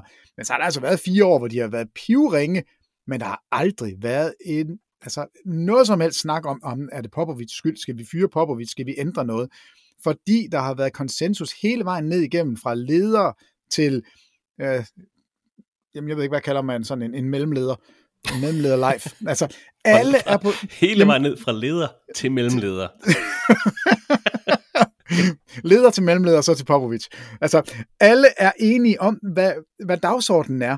Så der er ikke noget, noget piv, og, og det leder os et eller andet sted lidt hen til, jeg ved ikke om, hvornår vi skal snakke draft, men altså... Det skal, det skal vi lige nu, Peter, fordi jeg har ja. nævnt en træner, der nok først stopper, når han selv vil. Han er, fem, det er Greg Popovich. han er snart 75 år gammel. Han er, og han har fået lidt øh, ekstra incitament til at blive hængende hos San Antonio Spurs. Fordi natten til onsdag, efter en hel sæsons waiting for Wembanyama, der fik San Antonio Spurs tildelt førstevalget i NBA draftet 2023. Et draft, der bliver afholdt i slutningen af juni måned. Som vi snakkede om, Peter, i vores San Antonio Spurs podcast, som vi udgav den øh, 30. Marts, så vidt jeg husker. Så har Spurs haft førstevalget i draftet to gange tidligere, i 87 og 1997. De første valg blev brugt på David Robinson og Tim Duncan, begge er i Hall of Fame. Historien gentager sig. Full circle, Peter. Victor Wembanyama, spilleren, som mange kalder det største draft prospect nogensinde er med al sandsynlighed på vej til San Antonio Spurs. Nej, ikke med, han er på vej til San Antonio Spurs. ikke med al sandsynlighed. Det er 100% sikkert. Hvis ikke han kommer til San Antonio, så skal vi to løbe en omgang om, omkring søerne i København, selvom vi ikke engang bor i København. Altså det, det, det vil jeg være træt af. Selvfølgelig. Kom så Spurs. Ja, det vil jeg faktisk også. Her Spurs. Men altså, ja, ja, et eller andet sted, så har jeg det rigtig godt med det, fordi et franchise, der er ledet ordentligt, bliver også honoreret for det man kan også, altså, det, det er jo også lidt snyd. Du har tre første rundevalg. Du får måske de tre øh, bedste center, der er draftet nærmest i, i mands minde, altså i Robinson, Duncan og nu Wembanyama. Altså det, det er... jeg kan godt forstå, at de 29 andre hold sidder og tænker, det er simpelthen løgn. De har gjort det igen. Altså, deres timing er fantastisk. De spiller dårligt på det rigtige tidspunkt. De skiller sig af med deres gode spillere for draft picks på det rigtige tidspunkt. Bye bye Jakob Pøttel, der fik vi noget for. Bye bye, John, eller DeJounte Murray, der fik vi også draft picks for. Nu står vi her og skal starte med at bygge op omkring, altså måske har vi sikret vores øh, franchise i de næste 20 sæsoner. Det, det er jo sådan noget, man tænker på. Og, og man tænker nok mest på det i San Antonio, fordi vi har set dem gøre det før. Og den her French Connection, den, den er der jo selvfølgelig også. Altså Tony Parker var Wembanyamas træner sidste år. Ja, vi har også set Wembanyama øh, pose med en Tony Parker trøje, for, altså som ja, jeg skulle sige som teenager, det er han selvfølgelig stadigvæk, det er det, der er så vildt, men som, som yngre teenager, jeg har set billeder af Victor Wembanyama i en Tony Parker trøje, så jeg tror også, han er fint tilfreds med. Og jeg tror også, at han synes, det er fint, og, og hvis man har lyst bare for, øh, bare for at sidde og grine lidt af det, så gå ind og kig nogle af de her artikler, som der bliver skrevet masser af dem lige nu, omkring Wembanyama. Øh, der er så mange billeder af ham som ungdomsspiller, altså hvor han står som 14-årig og 15-årig, sammen med sine holdkammerater, hvor han bare er jamen han er ikke et hoved højere, han er tre hoveder højere. Det, det ser helt gak ud. Han er altså, han er refereret 7 fod 3, 7 fod 4 og 7 fod 5. Man kan ikke helt blive enig med, med nogen om præcis, hvor høj han er. Men se billedet, hvor han står ved siden af Rudy Gobert. Han er meget højere end Rudy Gobert. Ja, og han er altså, 7 fod 1, ikke? Jo, og, og, og altså, jeg siger, at han er 7 fod 5, altså 2 meter og 22, eller hvor meget det er. Han er tossestor og har så latterlig lange arme, og Altså, det er freak of nature. Det, der er ikke ret mange af sådan nogen i verden. Og nu får vi lov til at nyde ham forhåbentlig i rigtig mange år. Han startede ud i San Antonio, ja, håber altid, at spillerne bliver, hvor de bliver draftet, fordi det synes jeg, der, der er noget smukt over. Men lad os nu sige, at han gør som alle de andre og bliver traded på et tidspunkt. Ja, det, det, vi får ham i ligaen. Han bliver så sjov. Og hvad, var det Wojciechowski, der var ude og sige, at han ikke alene kiggede på Wembanyama som det største prospect, måske nogensinde, altså både over LeBron James og over Kareem, det er måske lige højt nok sagt, men, men inden for alle sportsgrene. Altså han, han toppede den lige op med at inkludere alle sportsgrene. Der er slet ikke noget pres på ham. Uh, nej, skal vi godt høre. Ja, på ingen måde. jeg så, at der var en, der skrev, at vurderingen af ham, om hvis han bliver Kevin Durant eller Hakim Olajuwon, jeg kan ikke huske, hvem den tredje var, så ville det være en skuffelse. Jamen det, det er, er det jo synd. Det, jeg synes også, vi skal passe lidt på. Ja, en lille smule. Vi skal give ham tid til, vi skal give ham tid til at være Victor. Han skal have lov til at være Victor lige præcis, og, og der er mange, der siger, at ah, nu kommer den her øh, syv fod rigtig meget øh, trepointskytte. Ah, altså han skyder fem træer per kamp, det er fint nok, men han skyder altså 28 procent på dem. Så, så han er jo ikke en perfekt spiller, men rammen til noget helt vanvittigt er der, og, og alle de tal, vi kan kigge på, altså pointene og rebounds, øh, det fortæller jo faktisk ikke der, hvor han måske allerede fra start vil være det, den, den altså, gør mest impact, hvilket er i forsvaret. Altså et 8 fod wingspan. Altså han, han, han fylder over hele feltet. Hvis vi taler om Anthony Davis som en kondor, så er det her, altså, det er jo LeBron, der har døbt ham en alien. Nu får vi se, om de bruger det i hans markedsføring, eller hvad de gør. Men altså, han er... Og Orléans, må det jo hedde. Orléans? Fransk. Ja. Hed det, gør det det? Nej, det ved jeg ikke. jeg var ikke til fransk undervisningen, hverken i folkeskolen eller gymnasiet. Så det, det var fordi, jeg havde spansk. Det er ikke fordi, jeg pjekkede, vil jeg bare lige sige. Ah, kan jeg en el bolso? Nu stikker det af. Men som, øh, Peter, som vi har haft, øh, nogen vil sige, alt for meget fokus på sæsonen igennem, så var Spurs et af de tre hold øh, med de bedste procentuelle odds for førstevalget i draftet 2023. Det var de sammen med Detroit Pistons og Houston Rockets, der begge faktisk blev overhalet i tirsdagens draft lottery. Altså jeg gentager, San Antonio Spurs, Houston Rockets, Detroit Pistons, de havde alle 14% chance for at få førstevalget. Så skulle man jo tro, at ja, de hold, der ikke får førstevalget, de får bare de næste to valg. Nej, nej. Der er jo en lodtrækning. Så på trods af, at Detroit Pistons havde den suverænt dårligste record i grundspillet 1765, så fik de altså kun tildelt femte valget i sommerens draft. Houston Rockets skal drafte som nummer 4. San Antonio Spurs fik det her første valg, og altså en billet til Victor Wembanyama. Charlotte Hornets har andet valget. Portland Trailblazers fik tredje valget. Potentielt en, en god trade chip til dem, hvis de fortsat er i det her win-now-mode. Det, har, det har de sagt, de er. Det har de sagt, de er. Det er, de det er til salg, det her. Det er til salg, det, det her til tredje, salg, ja. tredje valg. Houston Rockets har fjerde valget, Detroit Pistons femte valget, Orlando Magic sjette valget, Indiana Pacers syvende valget, Washington Wizards 8. valget, Utah Jazz skal drafte som nummer 9, og Dallas Mavericks som nummer 10. Og grunden til, at vi lige nævner de her 10, det er, det er jo lidt vigtigt, især for Dallas, fordi Dallas beholder deres draft pick. Det skulle de have sendt til New York Knicks, hvis det var uden for top 10, men de klemmer sig lige præcis ind øh, Dallas Mavericks. Og vi skal nok snakke meget mere om NBA-draftet i en senere podcast, om hvilke hold, der potentielt kunne finde på at trade op eller ned. Men vi skal naturligvis øh, nævne den her store nyhed for ugen, når vi nu har fuldt processen så tæt i hele sæsonen. Detroit Pistons falder altså ned på et femte valg, på trods af den dårligste record. Sådan er lotteriet. Jamen det er det, og det er, det er jo selvfølgelig, nu sidder vi to ofte og smiler og griner af, at han kommer til San Antonio, fordi det, jeg, jeg synes, det er poetic justice, at, at han lander der, fordi altså en organisation, som gør det i hvert fald hvad vi ved af, gør det rigtige. De, de får altså også en gang, imellem, en gang imellem sådan lige lidt mere held i sprøjten. Det fik de her.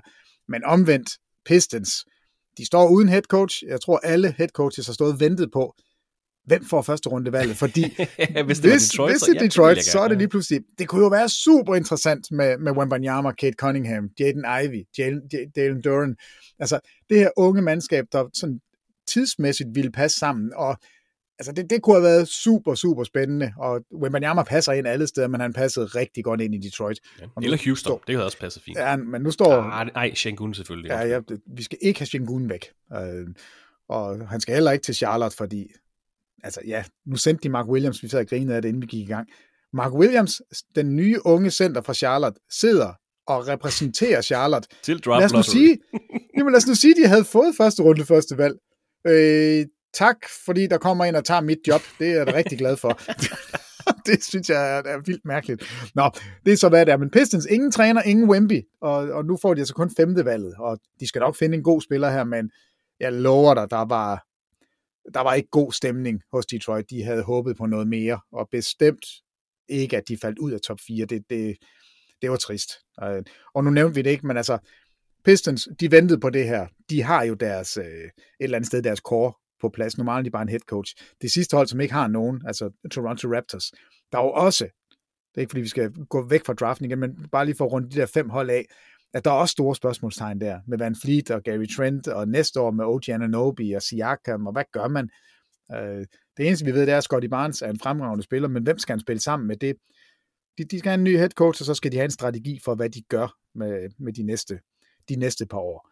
Så mange head coach stillinger ledige, mange hold, der har, der har mange ting i spil, og Detroit var det hold, vi, eller de i hvert fald håbede på, at, at der var en retning efter lotteriet, men det var der så ikke. Øh, I hvert fald ikke den vej, de gerne ville. Så øh, ærgerligt for Pistons, mega heldigt for San Antonio i en gang. For øh, noget tid siden, der sendte Nils Junker et par spørgsmål om Victor Wembanyama til os, og han, øh, Nils har her i ugen pænt mindet os om, han har sendt dem til os. Tak for det, Nils. Lad os se, om vi kan få svaret på dem, Peter. Han spørger, hvordan er Wembanyamas mindset? Er han sådan en, nu nævner Nils selv, Carmelo Anthony, Trey Young og mange andre typer, hvor han stats er vigtigere end holdet.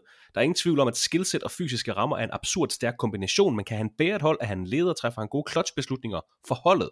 Det er det første spørgsmål. Det andet spørgsmål, hvad er hans skadeshistorik? Det kan jeg måske øh, følge op på. Men, men har du nogen vurdering af det her spørgsmål, Peter, om hans mindset og tilgang til det? Fordi hvis han er en, og nu bruger jeg Nilses eksempler her, Carmelo Anthony, Trae Young, så kan det godt clashe lidt med mentaliteten hos San Antonio Spurs. Jamen altså, det, det jeg har hørt, nu har jeg jo desværre ikke været i, i nærheden af Wimbanyama selv, det kunne jeg godt tænke mig, men alle siger netop, at fordi at han fra meget ung alder har, har han godt vidst, at det her det kunne blive helt stort. Altså at han, øh, at han kunne blive en NBA-spiller og, og blive en af de bedste øh, til at komme ud eller ind i en, i en ny liga. Der alle peger på, at hans hoved er skruet ordentligt på. Og han har jo spillet med voksne mennesker, øh, siden han var meget ung, og det, det giver altså også noget. Og han har aldrig, hvad jeg har hørt, der har aldrig været nogen sådan stjernenykker og noget, se mig, se mig, og statistikkerne er vigtigere. Han er en vindende spiller, og han er en spiller, der, der gerne vil, vil arbejde for holdet. Og på den måde tror jeg også, han passer. Altså for ham tror jeg, det er så godt, at han er kommet til San Antonio, og ikke til hverken Detroit eller til, til Houston. Så jeg, jeg, jeg tror, det er jeg tror, det er det helt rigtige sted, han er landet. Øhm, så jeg har ikke hørt andet, end at hovedet simpelthen sidder fuldstændig perfekt. Og så hvis man læser øh, de store eksperter derude, der skriver om, hvordan er han som spiller, øh, hvad, hvad kan han, der siger de også, at han har, nu, nu ser jeg, øh, got that dog in him. Altså sådan, og der tænker jeg altid, Jimmy Butler, Jimmy Butler, og det kan kun være godt. Han er ikke en passiv, ligegyldig spiller, som bare går efter egne stats. Det er ikke det, jeg har hørt, så jeg tror ikke, der bliver noget problem med det. Jeg tror faktisk, han er omvendt stærk i den afdeling.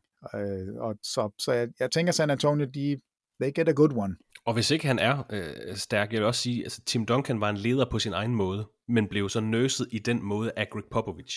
Så hvis han ikke nødvendigvis er den mest sådan, vokale leder, så skal han nok kunne finde en måde, altså Greg Popovich skal nok kunne finde en måde, hvor Victor Wembanyama kan markere sig på. Det er det, jeg vil frem til. Ja, jeg er enig. Og der har altså også øh, desværre været nogle skader, altså udover sådan nogle mindre fingerskader, og mindre skulderskader, så kan vi nævne, at i december 2020, der var han ude i tre måneder med et overbelastet lægben. Øh, sidste sommer, juni 2022, der fik han en muskelskade i ryggen, der gjorde, at han missede slutspillet den franske liga, missede EM sidste sommer. Og man skal passe på med sammenligninger, fordi han er ung, behandling og teknologi er bedre, end det har været tidligere, men rygskader, knæskader, ankelskader hos de her, vi kalder seven footers, er desværre noget, øh, der er en lidt grim historik med i NBA. Og inden jeg nævner alle de her navne, så vil jeg bare sige, Wembanyama er ultra meget mere atletisk, har alle forudsætninger for at forbedre sine muligheder for at undgå skader. Men spillere som George Murtasan, kæmpestor, blev begrænset af skader. Yao Ming fik udlagt sin karriereskader. Ralph Sampson, Sam Bowie, Will, uh, Will Barton, Bill Walton hedder han. Bill Walton. Uh, jeg kan jo anbefale, læs hans bog Back from the Dead, hvor han beskriver sine mange uh, rygskader. Greg Oden fik sin karriere ødelagt. Omvendt, vi kan vente om at sige, Rick Smits var 7 fod 4, spillede 10 sæsoner i NBA. Mark Eaton på 7 fod 4, 11 sæsoner. Manu Bol på 7 fod 7, spillede 10 sæsoner. Sean Bradley, 7 fod 6, spillede 12 sæsoner. Sidrinas Ilgauski, 7 fod 3, spillede 13 sæsoner. Så man skal ikke male fanden på væggen. Der er helt sikkert en historik med alvorlige skader til de her rigtigt høje spillere, og især også øh, altså Wembanyama, der også er meget spinkel. Men det betyder ikke, det sker for Wembanyama. Det betyder ikke, at han kun spiller fire sæsoner og så ryger ud. Vi har set mange eksempler på, at det er gået galt. Vi har også set mange eksempler på, hvor der er mange, der har gode, lange karriere, altså 10, 12, 13 sæsoner. Det er jo faktisk meget. Jamen altså, jeg, jeg håber, at lysegrønt. Jeg, jeg går selvfølgelig med, for netop fordi han er, han er så tynd, han er så let, så vil jeg hellere kigge på en Kevin Durant og sige, det, det er det, det er den her spillertype, altså fysisk, vi skal kigge efter. Det er ikke Georgie Morrison, det er ikke Yao Ming, altså det, det er slet ikke den der fysik, de har. Og mens du lige sad og talte, så var jeg lige inde på en draft guide fra, øh, fra, fra The Ringer, og der står der bare lige kort, lige for, øh, i forhold til spørgsmålet. Der står der en beskrivelse af ham som en relentless worker who understands who he is and what's at stake in his career. There has been no negative feedback on his character. He's a selfless player who wants only to win and reach his full potential. Altså det, det, det lyder jo meget det lyder, San Antonio Spurs. Ja, det lyder fuldstændig som man gerne vil have det. Altså en spiller, der bare gerne vil blive bedre, gerne vil arbejde, gerne vil vinde og gerne vil gøre det som et hold. Altså det, det, det kunne jo ikke være bedre.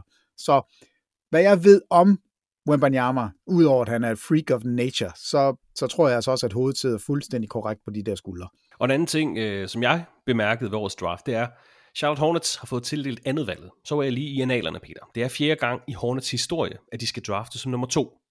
Og der er lidt en, en, en lidt øh, sjov, måske lidt kedelig øh, statistik eller historik med Charlotte Hornets. Fordi i 92, der skulle de drafte som nummer to.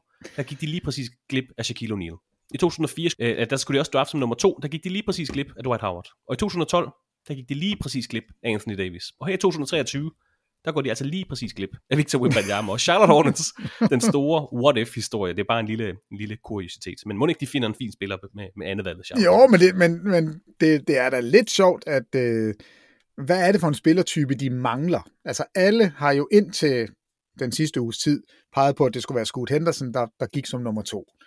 Og Scoot Henderson er jo en super, super eksplosiv guard. Øh, man har LaMelo Ball.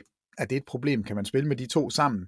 Vil man vælge at lade være med at tage Scoot Henderson, fordi man går med LaMelo Ball? Øh, det, det er da interessant. Hvad gør man i Houston? Vil man gerne have Scoot Henderson ind som endnu en guard? Hvad gør man i Portland? Vil man gerne have en guard ind sammen med Damian Lillard? Altså, der er flere, der peger på, at Scoot Henderson kan måske ryge ned i draftet, fordi at han bare ikke passer ind på de hold, som har mulighed for at tage ham. Altså, jeg, jeg tror nu, øh, at han, han går i top 3. Der, der er rigtig meget snak om Brandon Miller, om, om han skal gå som nummer to. Den her øh, lidt længere forwardspiller. Øh, han passer nok bedre ind i Charlotte, end, end Scoot Henderson ville gøre, men, men jeg er da virkelig spændt på at se, om det får.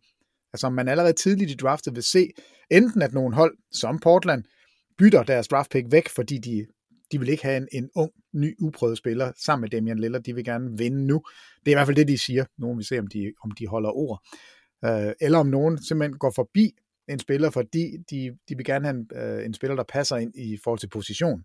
Jeg vil jo altid sige, gå med den bedste spiller, fordi så kan du altid finde ud af det bagefter. Der, der bliver jo traded hele tiden og byttet spillere som aldrig før. Så jeg, jeg vil, jeg tror ikke, jeg vil gå efter position no matter what. Altså ikke, hvis der var en spiller, jeg mente var bedre så er, så er lige, altså du kan jo komme til at lave en, en Michael Jordan, altså sige, nej, ham skal vi ikke have, fordi vi har jo Clyde Drexel, det er jo fint nok. Altså, den, den tror jeg ikke, man sådan lige kommer tilbage fra igen. Øh, sæsonens draft lottery øh, var naturligvis en stor nyhed for ugen. En anden nyhed for ugen, en øh, lidt mere prekær sag. Jeg gider faktisk ikke engang præsentere den. Jamoran har gjort det igen, viftet med en pistol på Instagram. Fra nu af, så hedder han altså bare nummer 12 for Grizzlies. Hvad skal vi gøre ved ham? Jamen, jeg ved det ikke, men altså, jeg kan jo starte med at spørge dig, om du ved, hvem Davante Pack er. Nej. Nej, det vidste jeg heller ikke, men jeg læste en artikel om det her, og øh, Jamorant hænger jo åbenbart ud med sin bedste ven, Davonte Pack. Og Davonte Pack er den spade, der har siddet i bilen, som efter Indiana-kampen tidligere på sæsonen, der sidder de og peger ud med, med sådan en, en rød plet, som angiveligt kunne være fra en pistol eller et gevær, altså sådan et ja. sigtekorn, ligesom man ser på, på film. Ja. Yes, og han er faktisk blevet øh, han er blevet bortvist fra Memphis, altså han må ikke komme til hjemme. Han var, han var udelukket fra alle hjemmebanekampe i sidste sæson. Øh, det, det er fuldstændig gakkelak, at vi sidder her igen og ser Ja Morant vifte med en pistol. Det, altså, det er to måneder siden. Jamen, jeg kan slet ikke forstå det. Jeg er sådan helt, jeg, jeg er helt i chok over det, og jeg er fløjtende ligeglad med hans pressemeddelelse om, at nu vil nu han tager, også, nu det er på mig det her. Jeg skal nok bearbejde det. Det er ja. to måneder siden. Adam, Adam Sandler, Adam Sandler, kæft det går godt. Adam Silver sagde det samme, at han var i chok, da han så den her video. Fordi Jamen, nu var det ligesom, ligesom ud af, ud af verden. Memphis Grizzlies rød ud af slutspillet. Ah, det var ærgerligt. Nu kigger vi fremad, og så kommer det her igen. Jamen, det, det er helt vildt. Altså, Memphis har jo reageret prompte og sige, du er udelukket for al Memphis Grizzlies aktiviteter i offseason. Øh, og allerede her, det er jo en super start på at komme i gang med en ny sæson med, med stjernespilleren, der, der ikke må være med til noget. Altså, jeg, jeg, ved ikke, jeg ved simpelthen ikke, hvad man gør. Jeg ved ikke, hvad NBA gør. Han fik otte dages karantæne. Ja, og, det, og, der, og der kan vi jo allerede sige, A, han får ikke samme karantæne, fordi nu er det en, en, en repeated offender, kan man sige, inden for to måneder. Det er ikke, fordi det er 10 år mellem, det er to måneder. Han får ikke den samme straf. Han får ikke kun Nej. 8 dage. Nej, men... men, Men jeg tænker, jeg tænker heller ikke, at man bare fordobler straffen og siger, nå, men nu får du 16 dage. Nej, men øh, jamen, Altså. altså. bliver han udelukket en sæson? Bliver han udelukket en halv sæson? Øh, Er det egentlig fair, at han overhovedet bliver udelukket? Han har ikke gjort noget ulovligt. Altså, han er ikke, altså det, er jo, det er jo det, som jeg har set. Jeg har set J.J. Reddick har, har sat Jamen, Jamen, han, han- ikke, han har ikke brudt nogen lov. Nej, altså, Eller noget men der, der tror jeg egentlig, altså jeg er, jo, jeg er jo meget med J.J. Reddick i forhold til, øh, han sammenligner med hele våbenrådgivningen, nej, lovgivningen i USA, og øh, taler om senatorer, der står og Åh, oh, men det kan NBA jo ikke ændre på. med, med Altså. nej, nej, nej, og står med gevær, og, altså, men jeg kan godt forstå, hvor han vil hen med den her, og sige, John Moran har ikke gjort noget ulovligt, og så tillader vi, at der står en senator og vifter med en AK-47. Hvor er det rimelige i det? Og det er jo rigtigt. Altså, det, Det, det, det, ja, det, der er noget, der, der er skævt her. det er en fin sammenligning, men hvis du har et firma, Peter, Men så kan jeg love dig, de skal ikke vifte med nogle pistoler. nej, og du kan jo Og- ikke ændre og- på, hvad der sker i senatet, men du kan godt ændre på, hvad der sker ved ansatte i dit firma. Og Lige det er det, præcis. er. En lukket liga. Jamen lige præcis. Og, og det er jo derfor, at Jamoran fik en, synes jeg, utrolig god behandling af holdkammerater, af liga. Altså han fik otte dages karantæne, og han fik først karantæne, efter han havde siddet ude i seks kampe, så det kostede ham egentlig to. Altså reelt var det to kampe, han sad ude i, altså under karantænen her. De er jo nødt til at gøre et eller andet. De kan jo ikke, de, de kan jo ikke se igennem fingre med det her. Det lykkedes dem i den første gang, og det- er jo derfor, tror jeg, at Adam Silver siger, at jeg er i chok. Fordi jeg troede, jeg havde en, en fornemmelse af, da jeg skiltes med Ja Morant på mit kontor, der var det en ung mand, der gik derfra, som havde forstået budskabet, og som helt sikkert ville ændre sig. Og så går der, som du selv siger, to måneder, så sidder han og vifter med en pistol igen. Men, Jamen, det, det, det er ikke fordi, han er blevet optaget af en tredje part, der sådan siger, uh, prøv at se, han, han, han vifter lige fingeren på en, en, en pistol. Han sidder jo med den, og live, jeg ved ikke, hvad det hedder, Instagrammer, live, Det er Instagram live videoer, står men der. det er jo med fuld overlæg. Altså, det er på ham der, Davonte Parks account. Øh, det, Det, det, det, det, er så, det er så hjernedødt. Jamen, det, er, øh, altså. det, det er så underligt. Det, det er så mærkeligt, og øh, det kan godt være, fordi vi er voksne. Lidt mere, end, end Ja Morant er. Men, men det her med at, at tage så dårlige beslutninger, altså jeg, har- jeg har da også gjort, og gør det sikkert stadig. Men hvordan reagerer holdet? En ting er, vi kan, vi kan, vi kan spekulere i, jeg tror, at NBA giver ham 25 kampes karantæne fra starten af næste sæson. Jeg tror, de fire dobler straffen.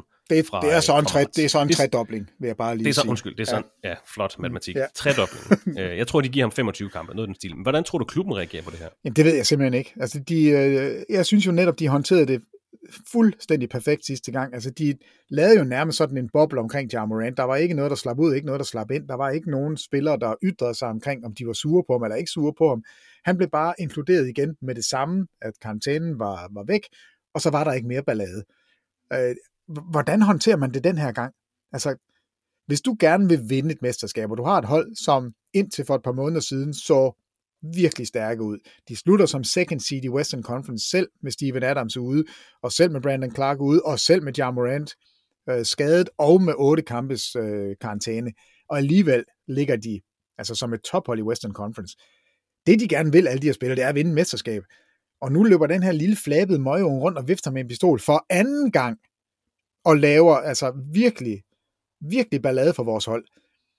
Altså, jeg, jeg ved simpelthen ikke, hvordan jeg selv ville tænke. Jeg har ingen anelse om det. Går man ud nu og kigger på trademarket og siger, vi, vi er færdige med dig, vi gider ikke det her, vi vil prøve at bygge om, øh, eller bygge op omkring spillere, som har hovedet siddende rigtigt på skuldrene. Altså, går vi nu og siger, Wembanyama for Jamorant og noget ekstra, Jeg tror, Spurs siger pænt det kommer ikke til at ske.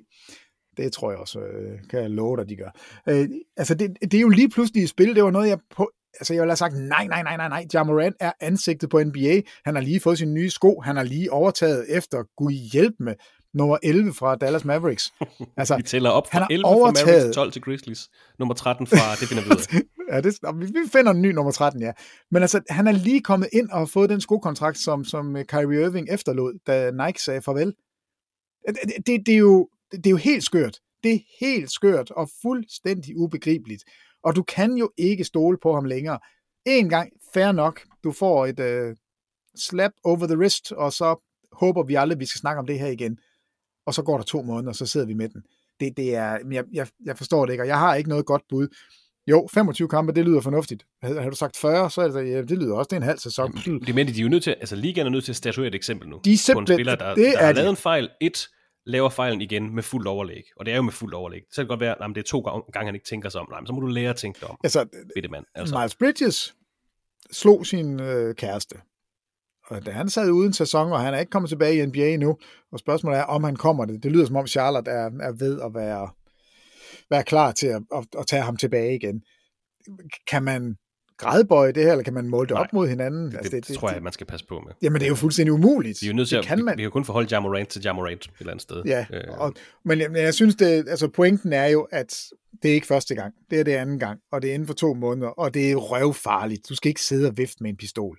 Øh, og NBA har lov til at reagere på det, og de har lov til at, at suspendere i den udstrækning, de synes, det er, det er nødvendigt. Ja, vi snakker ikke om, at, vi skal, at Morant skal smides i fængsel. Vi, kan nej, ikke nej, kloge altså- os på, på, på samfundsmæssige vilkår. Vi snakker jo om... Nej, det er desværre lovligt i USA at sidde og vifte med en pistol, og ja. ligegyldigt hvor, hvor vanvittigt man synes, det er, så har han ikke overtrådt øh, altså, den amerikanske lov, men han har overtrådt loven i NBA, og han har fået, altså, det er jo ikke, han sidder jo ikke og vifter med en kniv, eller med en bazooka.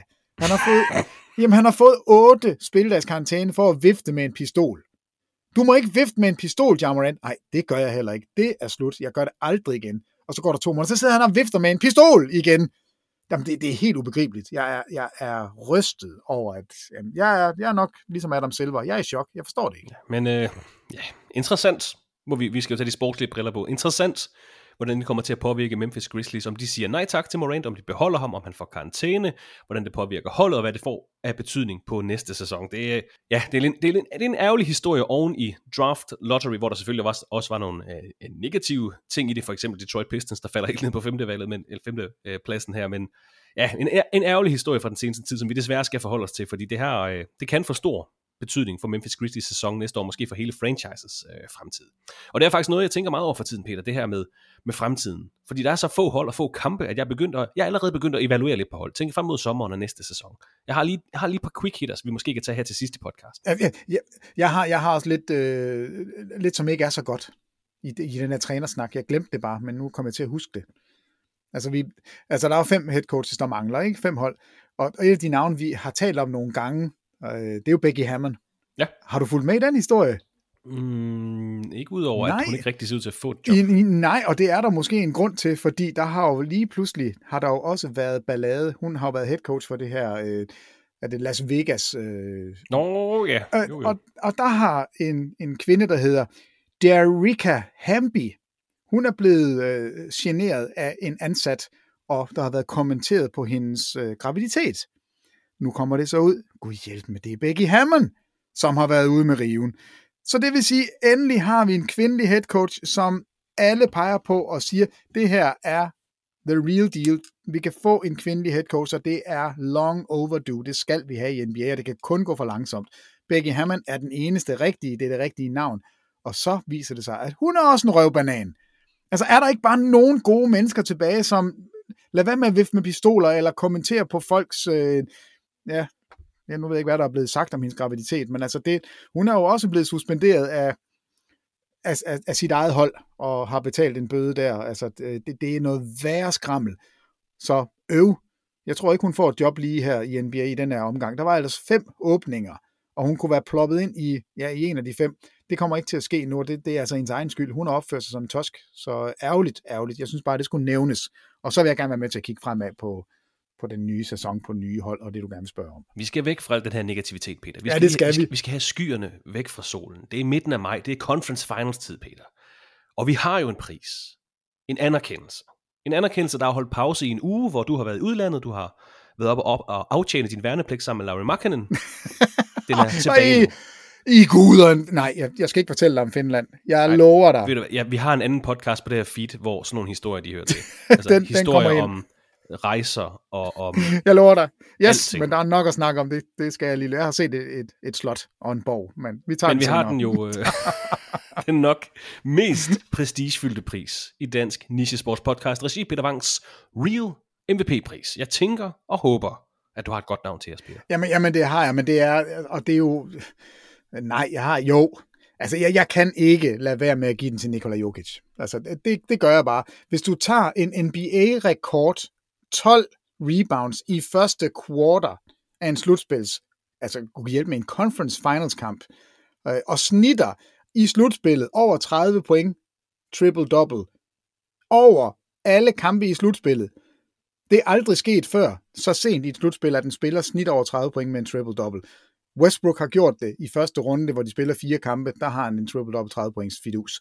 Men, men det her er jo på et hold, der har vundet kampene, og på et hold, som lige nu nærmer sig en finale. Øh, Nikola Jokic, jeg er, jeg er nødt til at gå med ham, fordi det er så absurd, det han laver. Og 12 rebounds på et quarter, det kan ikke lade sig gøre, og, og det gjorde han så alligevel, så derfor får han den i den her uge. Stort tillykke til The Joker, Nikola Jokic fra Denver Nuggets. You're the real MVP.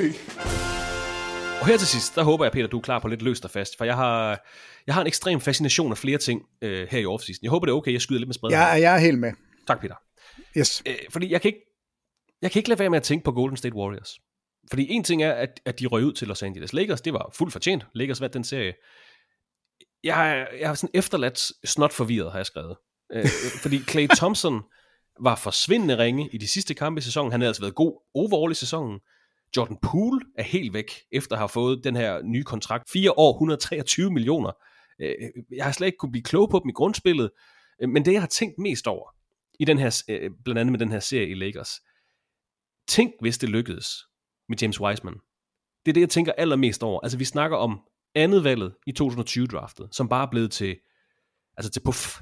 De sendte ham til Detroit for fem anden runde draft picks ved trade deadline. De fem draft picks traded de så til Portland for Gary Payton II, som de jo havde sidste år. Og nu skal vi ikke sidde og kritisere dem øh, og kigge tilbage på 2020-draft og sige, I skulle have taget LaMelo Ball, I skulle have taget Tyrese Halliburton. Det, det, altså, vi sad bare lang tid og snakkede om Golden State Warriors. At broen fra dynastiet til fremtiden var sikret med Wiseman, Kuminga, Moses Moody, Jordan Poole. Wiseman er væk. Måske er Jordan Poole også på vej væk. Han har også været øh, sådan sur efter de røde. Jo, og, jeg, jeg sådan, og Kuminga, Kuminga er også sur. Og jeg er lidt altså, han synes jo ikke, han har fået nogen rolle. Ja, det sådan, jeg, jeg, jeg er paf over Golden State Warriors. Jeg er, sådan, jeg er virkelig efterladt sådan, ej, hvad, hvad er det her? Jamen, jamen, det kan jeg godt forstå. Altså, og, og det startede jo, det starter og slutter med, at uh, Jordan Poole får en på hatten af Draymond Green under en træning i, off eller i uh, preseason. Uh, det er jo der, det starter. Ja, Steve Kerr siger, at holdet ikke har været ja, det samme siden da. Så det havde det havde det, og altså, Steve Kerr har sagt det, og Draymond Green har i sin egen podcast også sagt det.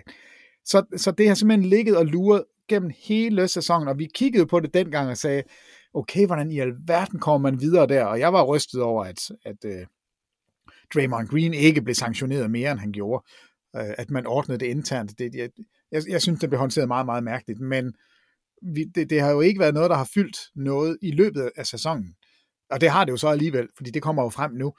Og vi var jo rystet dengang, og jeg er egentlig stadigvæk lidt rystet, at, at de har kørt en hel sæson, et helt slutspil.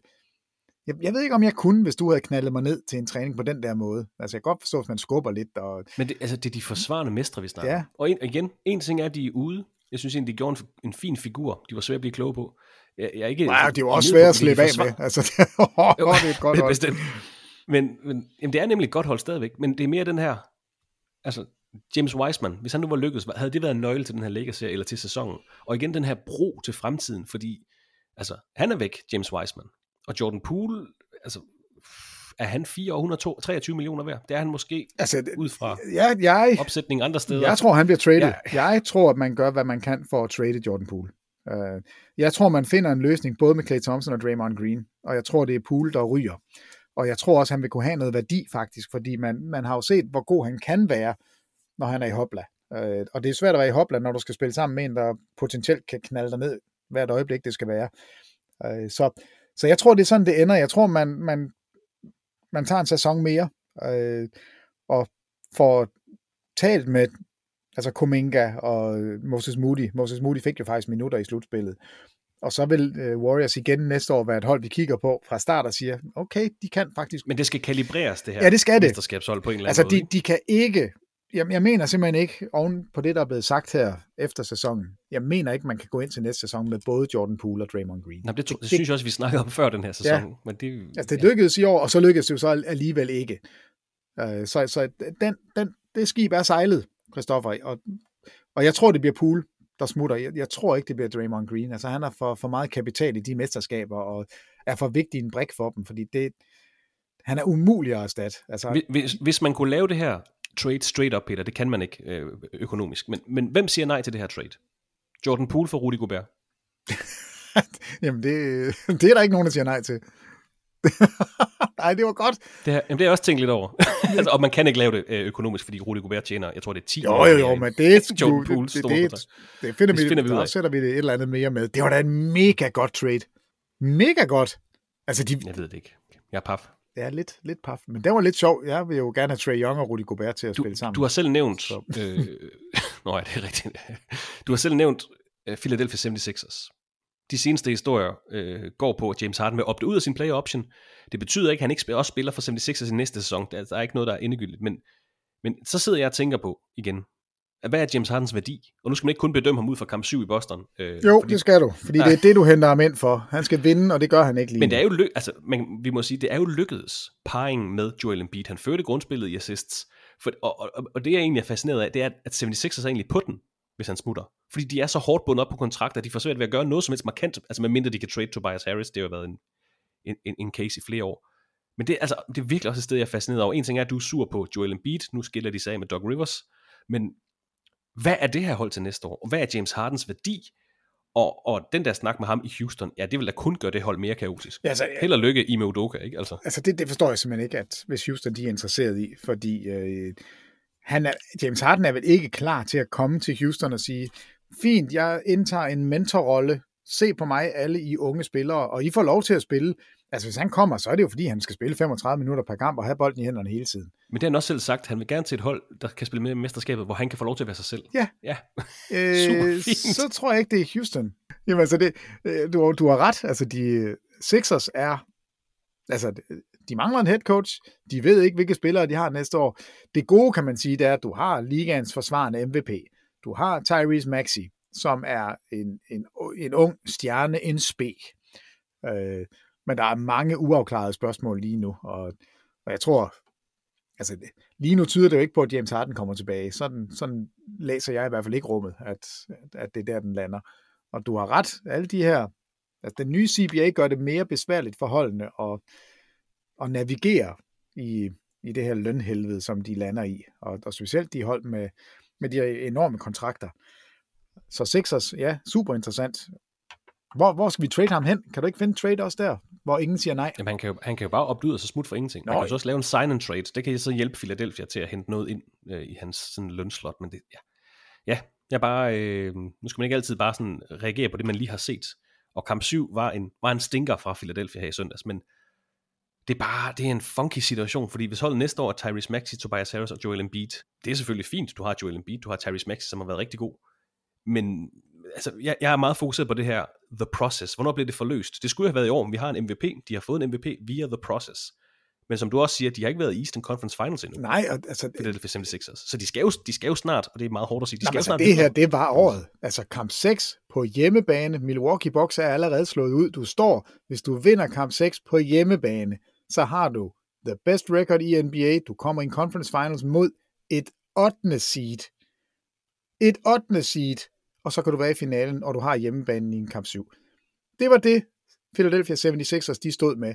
Og så lagde de en kæmpe stor pølle midt på banen og smed en, altså en, en kamp, de skulle have vundet. Altså det, det er jo den fornemmelse, jeg sidder med. Det er egentlig ikke kamp 7, fordi det er på udebane, det er, hvad det er. Men at de smider kamp 6 på den måde, de gjorde, Øh, altså holder Jason Tatum til syv point i... Ja, de første tre quarters. Så er det, ja, øh, og, og altså... Nej, hvor må den altså bide. Øh, det er ikke kamp 7, det er kamp 6, og, og det var i år, de skulle have vundet det mesterskab.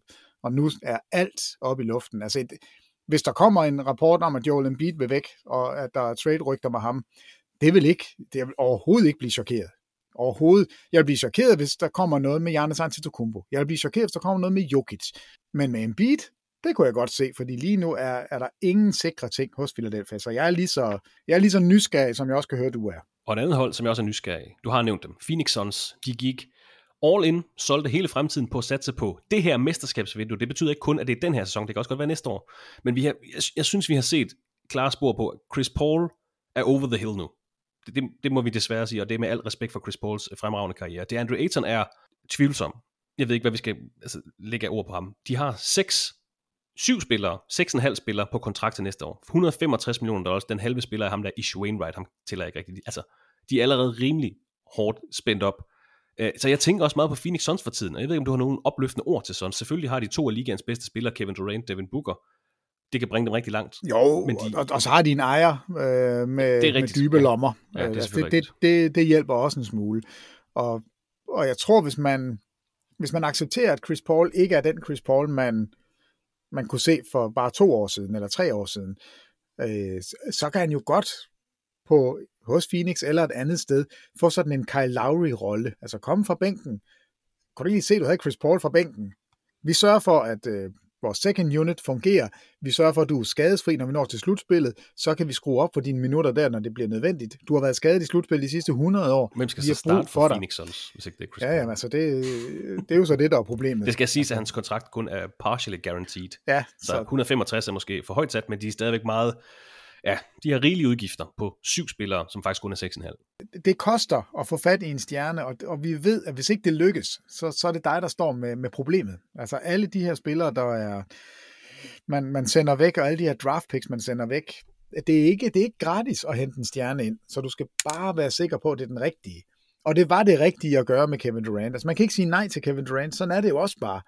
Så jeg, jeg klandrer egentlig ikke Phoenix for det. Um... Nej, nej, det, det er overhovedet ikke det. Det er mere bare, altså setupet lige nu, også med det niveau, vi har set DeAndre Ayton. Altså, DeAndre Ayton er DeAndre Ayton. Han bliver aldrig, jeg tror aldrig, han bliver en All-Star-spiller. Han kan være niveauet lige under. Men er det nok, hvis det er din tredje banan? Altså, vi, øh, vi har jo set ham ja, være i finalerne, se. hvor han øh, var god. Altså, han er blevet dårligere i år, og det er jo det, der er beskæmmende, og det er jo det, man skal sælge ham på. Ikke, at han er blevet dårligere, men man skal sælge ham på ideen om, vi ved godt, hvad han var, der er et eller andet, som er gået galt hos os i år. Hvis I får ham, og vi tager noget andet tilbage, så kan det være, at alle kan blive glade. Det er bare, ja. Det er en dårlig salgstale, ikke? Han er rigtig ringe i år, han har været bedre. Vi tror, I kan gøre ham god igen. det var bare, ja, det var, bare, det var lige nogle situationer, Peter, hvor jeg, ja, jeg har lige brug for lidt hjerte. Tak fordi du lyttede til mig. Jamen øh, selvfølgelig, selvfølgelig. Bare nogle steder er jeg jo lidt fascineret. Jeg har fået lettet ja. mit hjerte. Er der mere, som du gerne vil af med? Peter? Nej, jeg, jeg, jeg synes, jeg har kommet af med, med rigeligt. Uh, jeg synes, det var sjovt, at at kigge på sådan en kamp, hvor der var så mange Hall of Famer og MVP'er mm. og, og vanvittige spillere med. Var det 77? Det Nej, 72 sagde du. Nej, 1900 og jo, 1972 var... 72, den, og så 85, der var to kampe. Ja, og så var der, og så var der fra, fra 87 Pistons mod Celtics, det var den næsthøjeste score. Den er jeg så ikke dykket ned i. Det, det orkede jeg simpelthen ikke, men at det er Floyd Butterball, der, der kommer ind. det, det er et fedt øgenavn, ikke? Jim McMillian, Floyd Butterball.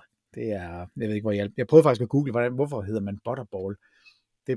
det kom jeg ikke langt med, men, øhm, men 42 point, det er, det er okay. Peter Wang, tak for din tid i dag. God fornøjelse med Conference Finals, og vi snakkes ved i næste uge. Det gør vi, Kristoffer. Det er mig, der takker. Tak for det. Husk, at du kan følge alle sæsonens Conference Finals kampe på TV2 Sport X og TV2 Play. Alle kampe starter 02.30, og det er altså hver nat, indtil vi har fundet sæsonens to finalehold. Du kan naturligvis også følge sæsonens finaleserie på vores kanaler. Det bliver på TV2 Sport og TV2 Play, en serie, der går i gang den 1. juni.